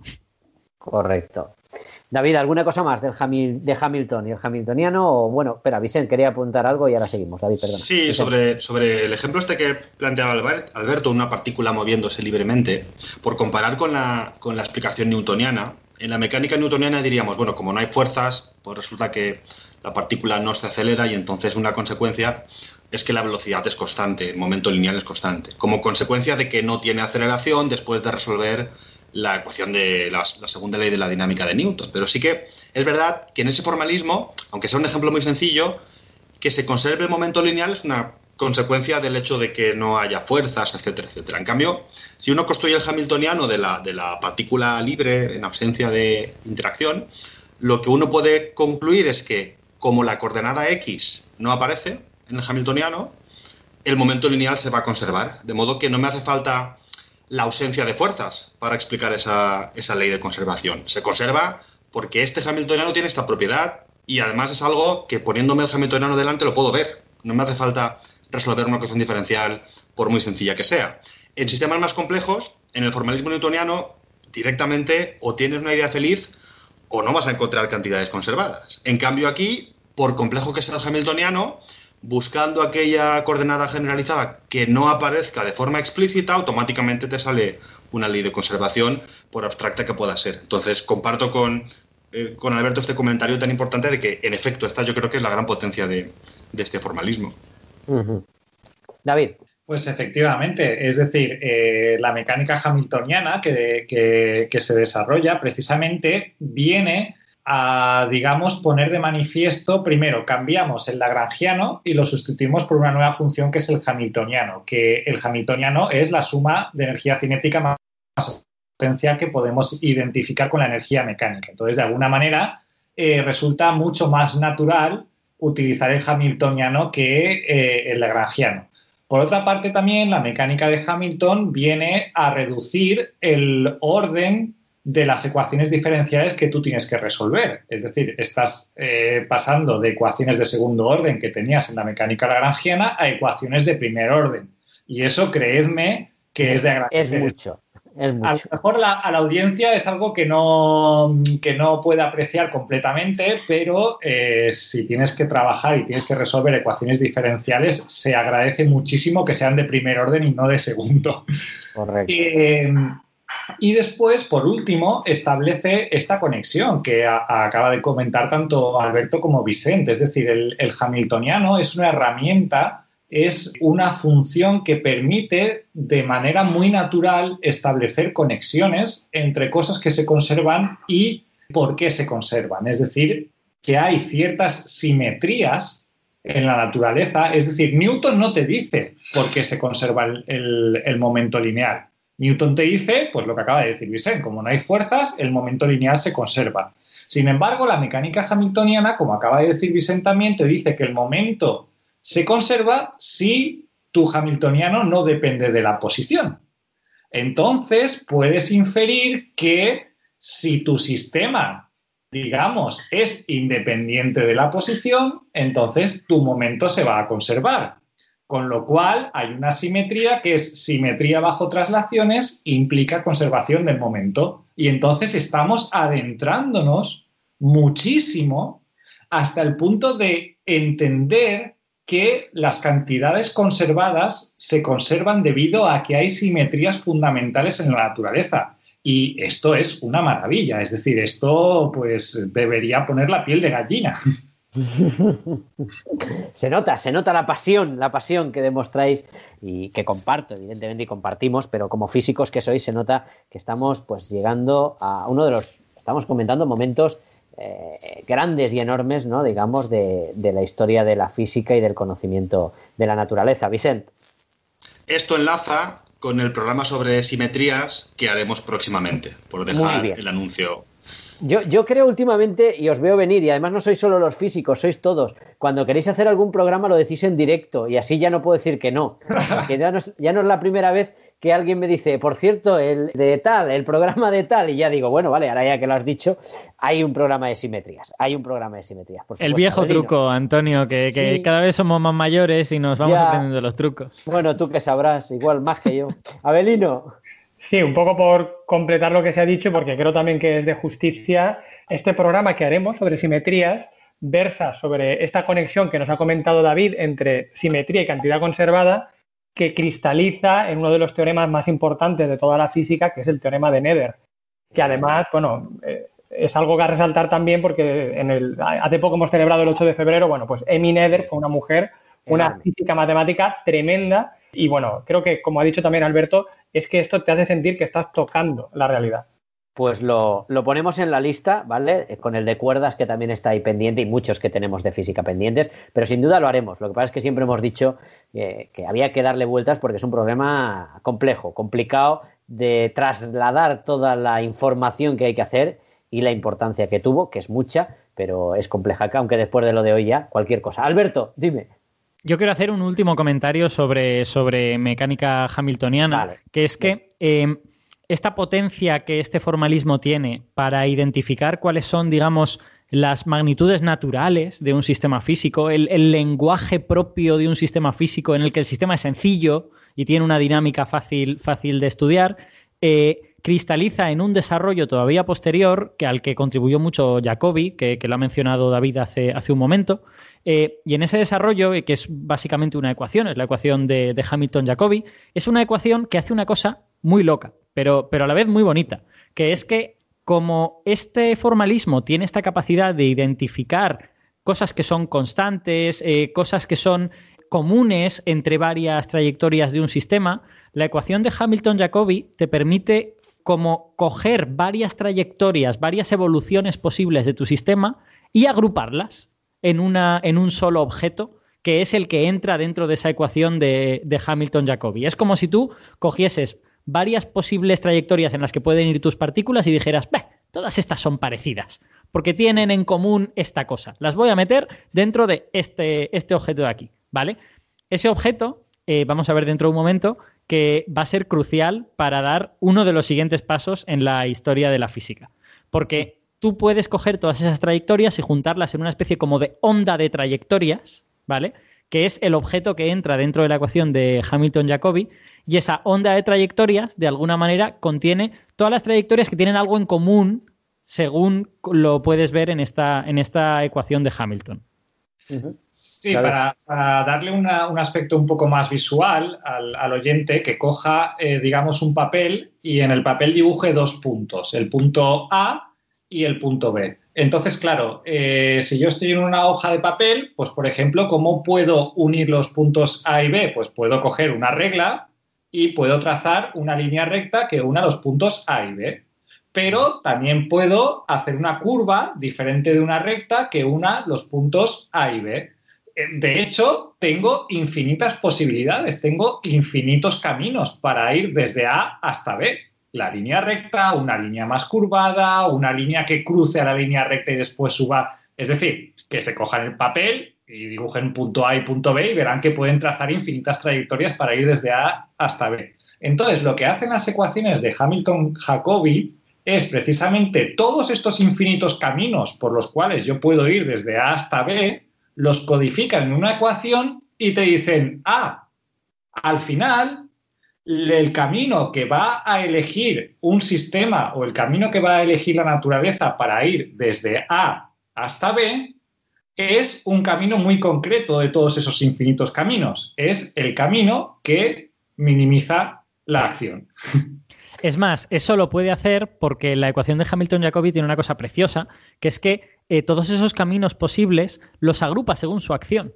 O sea, realmente lo que dice es, los caminos que tienen la misma acción pertenecen a la misma onda de trayectorias, a la al mismo grupo de trayectorias que yo puedo poner todos juntos. ¿Y cuál es la buena? ¿Cuál es la realizada? No, no, es la de mínima acción. Hay todas otras que van a tener otros valores de la acción, pero la de mínima es la buena. Al final es lo que hablábamos, ¿no? Lo de mínima y máxima, que empezaban a vislumbrar al principio, ¿no? Como que podía ser la solución a todo esto. Estamos viendo que al final ya eh, con el desarrollo de el formalismo ya de Hamilton, pues vemos que, que ese maximizar y ese minimizar que hablábamos al principio, pues coge un valor absoluto ya, ¿no? Que tiene una importancia, una trascendencia total. Yo creo que podemos ir terminando, si os parece, ¿no? De Hamilton ya hemos hablado bastante, creo yo, mm, si queréis algo más, pero yo creo que podemos ir terminando, haciendo un poquito de resumen a lo que estamos hablando, porque, claro, hemos hablado de Newton mucho, hemos hablado de este desarrollo hasta llegar al desarrollo, este formalismo de Hamilton, pero nos hemos quedado a las puertas de las dos grandes revoluciones del siglo XX. Claro, aquí es abrir un melón, probablemente, Alberto. Creo que has dejado algo a entender cuando estabas haciendo una intervención última que has hecho, has dejado algo entrever ahí de, de caminos posibles y demás. Pero yo quiero decir, todo esto de Hamilton deja votando las ideas ya para la relatividad y la cuántica, o ahí se rompe totalmente, o hay una conexión, mm, no sé. ¿Qué nos dice, qué legado deja toda esta mecánica que hemos hablado para el siglo XX? Bueno, voy a tratar de ser sintético porque obviamente podríamos hacer no un programa, sino a lo mejor dos o tres solo, solo con esto. Eh, Pero Hazlo en plan resumen y ya está, y ya lo trataremos otro día. la, Pero bueno, la adelante. relación, la relación de la mecánica eh, hamiltoniana, lagrangiana, de esta, de esta mecánica eh, variacional con la relatividad y con la cuántica es un poco diferente, porque eh, la relatividad tú la puedes plantear a partir de un principio variacional, pero no es así como, como Einstein la planteó en primer lugar.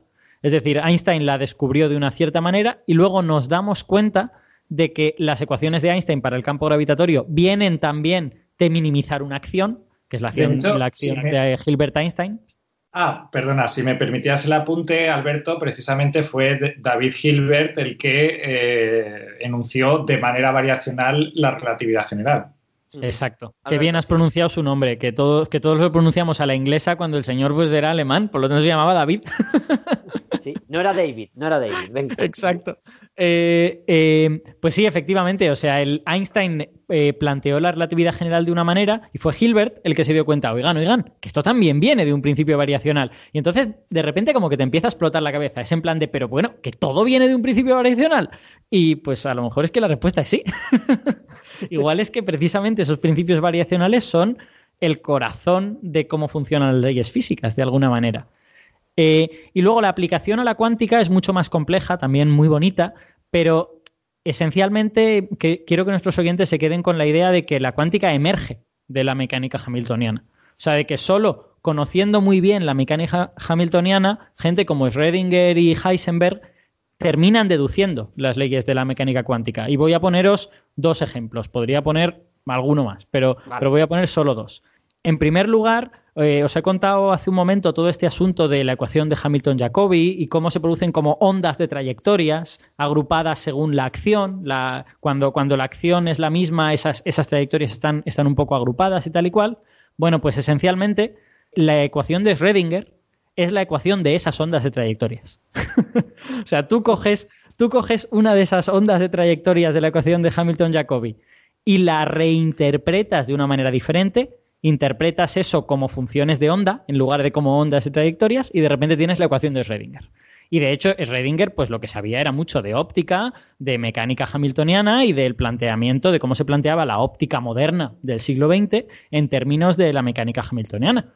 Y es cuando se dio cuenta de, oye, oye, que igual puedo utilizar esto para tratar de obtener una eh, ecuación ondulatoria para las partículas. No, quiero, no quiero entrar mucho más porque la ecuación de Schrödinger obviamente tiene un programa entero para, ella, ¿no? pero, pero emerge de todas estas ideas. O sea, básicamente, y es curioso porque esto tiene mucho sentido, porque cuando pensamos en un electrón pensamos que va a tener una cierta trayectoria. Y luego viene Schrödinger y nos dice, no, no, bueno, es que tienes aquí una onda tal y cual. Bueno, ¿tienes una onda? ¿O tienes una onda de trayectorias posibles del electrón que precisamente te está viniendo de la ecuación de Hamilton-Jacobi? O sea, es que al final todo, todo es una reinterpretación de algo. En el siglo XIX tú interpretas eso como, bueno, hemos encontrado una manera de agrupar trayectorias, hacer una especie de ondas de trayectorias y tal, y Schrödinger lo que hace es decir, pues igual no. Igual lo que pasa es que el electrón es una onda. Igual lo que pasa es que yo tengo que interpretar esto como que el electrón no sigue trayectorias, sino que es una onda.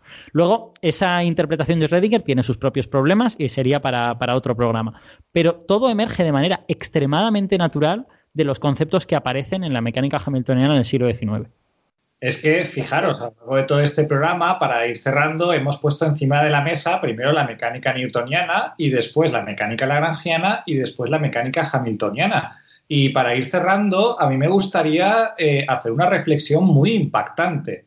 Y es que si realmente nos hubiéramos quedado con la mecánica newtoniana y no hubieran aparecido nuevas formulaciones como la mecánica lagrangiana y la mecánica hamiltoniana, que el oyente puede estar pensando un poco, ah, vale, pues si ya teníamos una, ¿para qué hacer más? Pero es que lo que os voy a decir es una reflexión muy impactante. Pensad que si no hubiéramos desarrollado la mecánica lagrangiana y la mecánica hamiltoniana, no hubiera podido nacer la mecánica cuántica. Es decir, con la mecánica newtoniana, la mecánica cuántica no surge. Sin embargo, con la mecánica lagrangiana o con la mecánica hamiltoniana, por supuesto, en lugar de hacer las cosas de manera clásica, pues tienes que hacer una serie de reinterpretaciones y meter una serie de, cosas por ahí. Pero realmente, si no hubiéramos desarrollado ni la mecánica lagrangiana ni la mecánica eh, hamiltoniana, con la mecánica de Newton nunca hubiera nacido la mecánica cuántica. Efectivamente, eso es así. Es un lenguaje demasiado diferente. Hay un, hay un salto demasiado grande entre el uno y el otro. Hacía falta esto que estamos comentando hoy, este, estas formulaciones, eh, para que ese salto no fuera tan brutal, ¿no? Para que fuera hmm. un poquito, esas herramientas existieran, estuvieran encima de la mesa, y porque la gente que desarrolló, por ejemplo, la mecánica cuántica no partía de la nada, tenía que partir de algo. Claro, es la clave, no es, no es rompo con todo lo que hay y empiezo de cero en un papel en blanco, sino que cojo cosas que existen y les voy dando vueltas, creo yo, ¿eh? Y entonces por eso Claro, lo que pasa, lo, que pasa es que cuando, cuando divulgamos sobre eh, física cuántica, como los como los saltos conceptuales, las reinterpretaciones que se hacen son tan, son tan abrumadoras, siempre ponemos énfasis en eso. Y no, y no contamos todo este desarrollo, pues que requeriría saber mecánica hamiltoniana y toda una serie de cosas. Pero, pero verdaderamente para ellos solo estaban llevando un pasito conceptual más allá, cosas que en realidad ya estaban haciendo. Correcto. Vicente. Sí, de hecho, justo este, este salto que, estamos dando es interesante a nivel casi histórico, ¿no? Eh, de cómo el desarrollo de las diferentes teorías, teorías científicas, y repasamos un poco todo este recorrido, las formulaciones de las que hemos hablado, planteado ya al principio, pueden entenderse, si acaso, como eh, distintas formulaciones de una misma teoría. La podemos llamar mecánica clásica o mecánica clásica no relativista, que habla de objetos sean discretos, partículas puntuales o continuos, que se mueven en un espacio tridimensional llamado espacio euclídeo, donde el tiempo es un parámetro que fluye sin ningún tipo de interacción con el espacio a su vez, eh, y que al fin y al cabo la versión newtoniana, lagrangiana, hamiltoniana, incluso la ecuación de Hamilton-Jacobi al final lo que hacen es describir de una manera distinta y ahí podríamos entrar en qué, qué rango de realidad tiene la acción, el hamiltoniano, el lagrangiano, si son cosas que existen en la realidad, si me dejáis ponerme filosófico, o si realmente son instrumentos de cálculo. El debate es muy interesante, pero parece que, que no hay duda al respecto de que las tres o cuatro formulaciones que hemos visto hablan de una misma cosa, con conceptos muy similares, quitando, poniendo fuerzas, pero que justamente esa similitud o ese mismo, digamos, objeto a describir que tienen estas formulaciones no lo tienen, al menos no en la misma medida, la, la formulación relativista o cuántica de estos formalismos. De hecho, justamente lo que decíais ahora, estamos reutilizando un formalismo para elaborar una teoría nueva. Qué duda cabe de que la teoría de la relatividad general no habla de lo mismo que la teoría de la mecánica clásica no relativista, al menos en cuanto a, a la naturaleza del espacio-tiempo se refiere. Y la mecánica cuántica, qué decir, tendrá similitudes en aspectos formales, pero no habla de lo mismo que lo que habla la, mecánica clásica, sea cual sea su formulación. Yo también estoy de acuerdo en que a veces nos olvidamos de hablar de los elementos de continuidad entre teorías. No todos los conceptos de la teoría cuántica son ajenos a los conceptos de la mecánica clásica, no todos ellos. Algunos sí, son muy llamativos, de repente el concepto de trayectoria del que hemos hablado alguna vez pues eh, se evapora y hay cosas muy llamativas y en relatividad general, por supuesto que también, pero hay elementos de continuidad, hay ruptura conceptual y es que en lo que hemos hablado hoy se observa este elemento de continuidad en cuanto al formalismo. Lo que decíais también ahora es que no, no era posible construir una teoría nueva con conceptos tan llamativos, me centro ahora en la cuántica, que explicara también los fenómenos físicos que, que, teníamos que describir si no tuviésemos disponible un formalismo que venía de la mecánica, de la óptica y herramientas matemáticas para hacerlo. De modo que esas dos dimensiones, los conceptos y, aquello de lo que habla la teoría y luego la herramienta formal que utilizamos, pues van un poco en paralelo. A veces una misma teoría la reformulamos para ser capaces de hacer mejores predicciones y a veces usamos ese formalismo de, de una teoría distinta a la que queremos describir ahora, precisamente para intentar formular, formularla de manera completa. Yo creo que es un buen ejemplo de cómo el avance de las teorías científicas funciona en, bueno, en todo este recorrido que hemos discutido durante el día de hoy. Es que voy a contar un secreto. Eh, hacer mecánica cuántica es hacer mecánica hamiltoniana poniendo la constante de Planck. voilà. Efectivamente. De hecho, de hecho, esa era la segunda cosa que quería contar. Me la, me, me la has puesto votando. Porque el, la, la, segunda conexión, que creo que es fabulosa entre mecánica cuántica y mecánica hamiltoniana, es que, eh, bueno, en este programa se ha hablado hace muy poquito del principio de incertidumbre de Heisenberg. Sí. Eh, si nuestros oyentes quieren saber más, que escuchen aquel programa en el que se dijeron muchas cosas. Por pero supuesto. Uno de, los, uno de los aspectos de ese principio es que existen parejas de magnitudes que no se pueden conocer con completa precisión al mismo tiempo. ¿no? Lo típico de si conoces muy bien la posición, eh, vas a conocer mal la velocidad. Y al revés, si conoces bien la velocidad, vas a conocer mal la posición y todas estas cosas. Bueno, ese eh, tipo de comportamiento se puede entender de muchas maneras, y en aquel programa ya se habló largo y tendido del asunto, pero una de las maneras de entenderlo es que magnitudes como la posición y la velocidad, o mejor dicho, el momento, que es realmente la, magnitud que entra dentro del principio de incertidumbre, eh, magnitudes como esas no son números, sino que son objetos más complicados que números y que cuando uno extrae información de una de ellas, en realidad está extrayendo cierta información también de la otra. Eso, eh, por ejemplo, se expresa de manera muy natural en la mecánica matricial de Heisenberg, en el que las magnitudes son matrices, no son números, sino que son cosas más grandes que números, eh, con, con, cierta estructura, como las matrices. Entonces, una de las maneras de crear una teoría cuántica, de hacer que una teoría sea cuántica, es coger una teoría completamente clásica y decir, voy a convertir todas estas magnitudes, que antes eran numeritos, en este tipo de cosas tan peculiares que me permiten estos comportamientos, que permiten que magnitudes compartan información y todas estas cosas. Eso eh, se llama cuantizar. Y una de las maneras de cuantizar, pues precisamente, es cogerse una teoría, coger en esa teoría las variables y los momentos conjugados, los que Hamilton nos daba, y decir, estas magnitudes ahora ya no son numeritos, sino que no conmutan y les voy a imponer unas relaciones de conmutación y una serie de cosas que querrá decir que variable por momento no es lo mismo que momento por variable.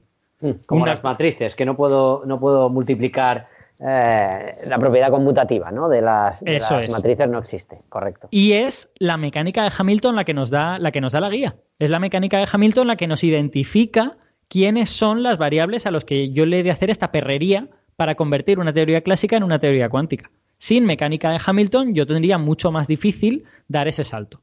Y sin embargo ese salto es completamente trivial. Es coger esas variables y decir, bueno, ahora ya no son números. Ahora son cositas que se comportan de una manera un poquito más complicada. Lo que está claro es que al final, en ciencia, existe una continuidad, aunque existan saltos conceptuales muchas veces, momentos en los cuales se rompe a lo mejor con una teoría inicial, es muy difícil encontrar algo que parta de la nada. Siempre queda algo, había un remanente, había algo ahí eh, en el fondo que se estaba comentando. ¿no? De hecho, cuando hablamos, por ejemplo, de, de la relatividad de Einstein, también hemos comentado que antes que él hubo gente que fue aportando algunas ideas ya bastante cercanas a la relatividad, sin llegar al, Mm. a, a- a Einstein, que es el que le da el verdadero enfoque definitivo y digamos que establece esa teoría, antes de él ya habían ideas parecidas de esa dilatación del tiempo, de esa dilatación del tal, lo de Lorentz y demás, que ya lo hemos comentado en otros programas. Einstein decía, eh, Newton decía, eh, y fíjate que hemos empezado por él, aunque hemos nombrado algo de Galileo y demás, pero Newton decía que si él había visto más alto era porque se había subido a hombros de gigantes. Al final, eh, la dijera en un sentido u otro, eh, esto viene a decir que Newton no de golpe descubrió todo y partió de la nada y cogió las ideas de ningún sitio, no, todo esto viene de un continuo con ideas equivocadas o no y algunas que puedes utilizar o no, pero así funciona la ciencia de una forma de otra. Y fijaros, y creo que es la forma bonita de terminarlo, quizás las dos grandes revoluciones de la historia de la física, que son estas dos revoluciones que estabais comentando ahora del siglo XX, eh, tampoco parten de la nada y se basan sin esto que estamos comentando, no habrían surgido de esta forma, o hubiera costado muchísimo más, o hubiera que haber pasado por un paso intermedio. De Newton a Einstein hay mucho en medio, como hemos visto hoy, pero además eso que hay en medio es fundamental para que llegara Einstein, o para Mm. que llegara el cambio en la mecánica y el cambio en la física. Sin ese intermedio no hubiera sido posible muy probablemente. ¿No, Alberto? Es un poco el resumen, ¿no? Sí, efectivamente, yo creo, eh, bueno, a ver, estas cosas siempre son más amplias y resumir en Sí, una frase es difícil. y demás. Claro, correcto. pero, pero yo creo que Einstein, la relatividad, habría sido imposible sin el electromagnetismo. El electromagnetismo de Maxwell es el que abre la puerta a la relatividad, Correcto. claramente.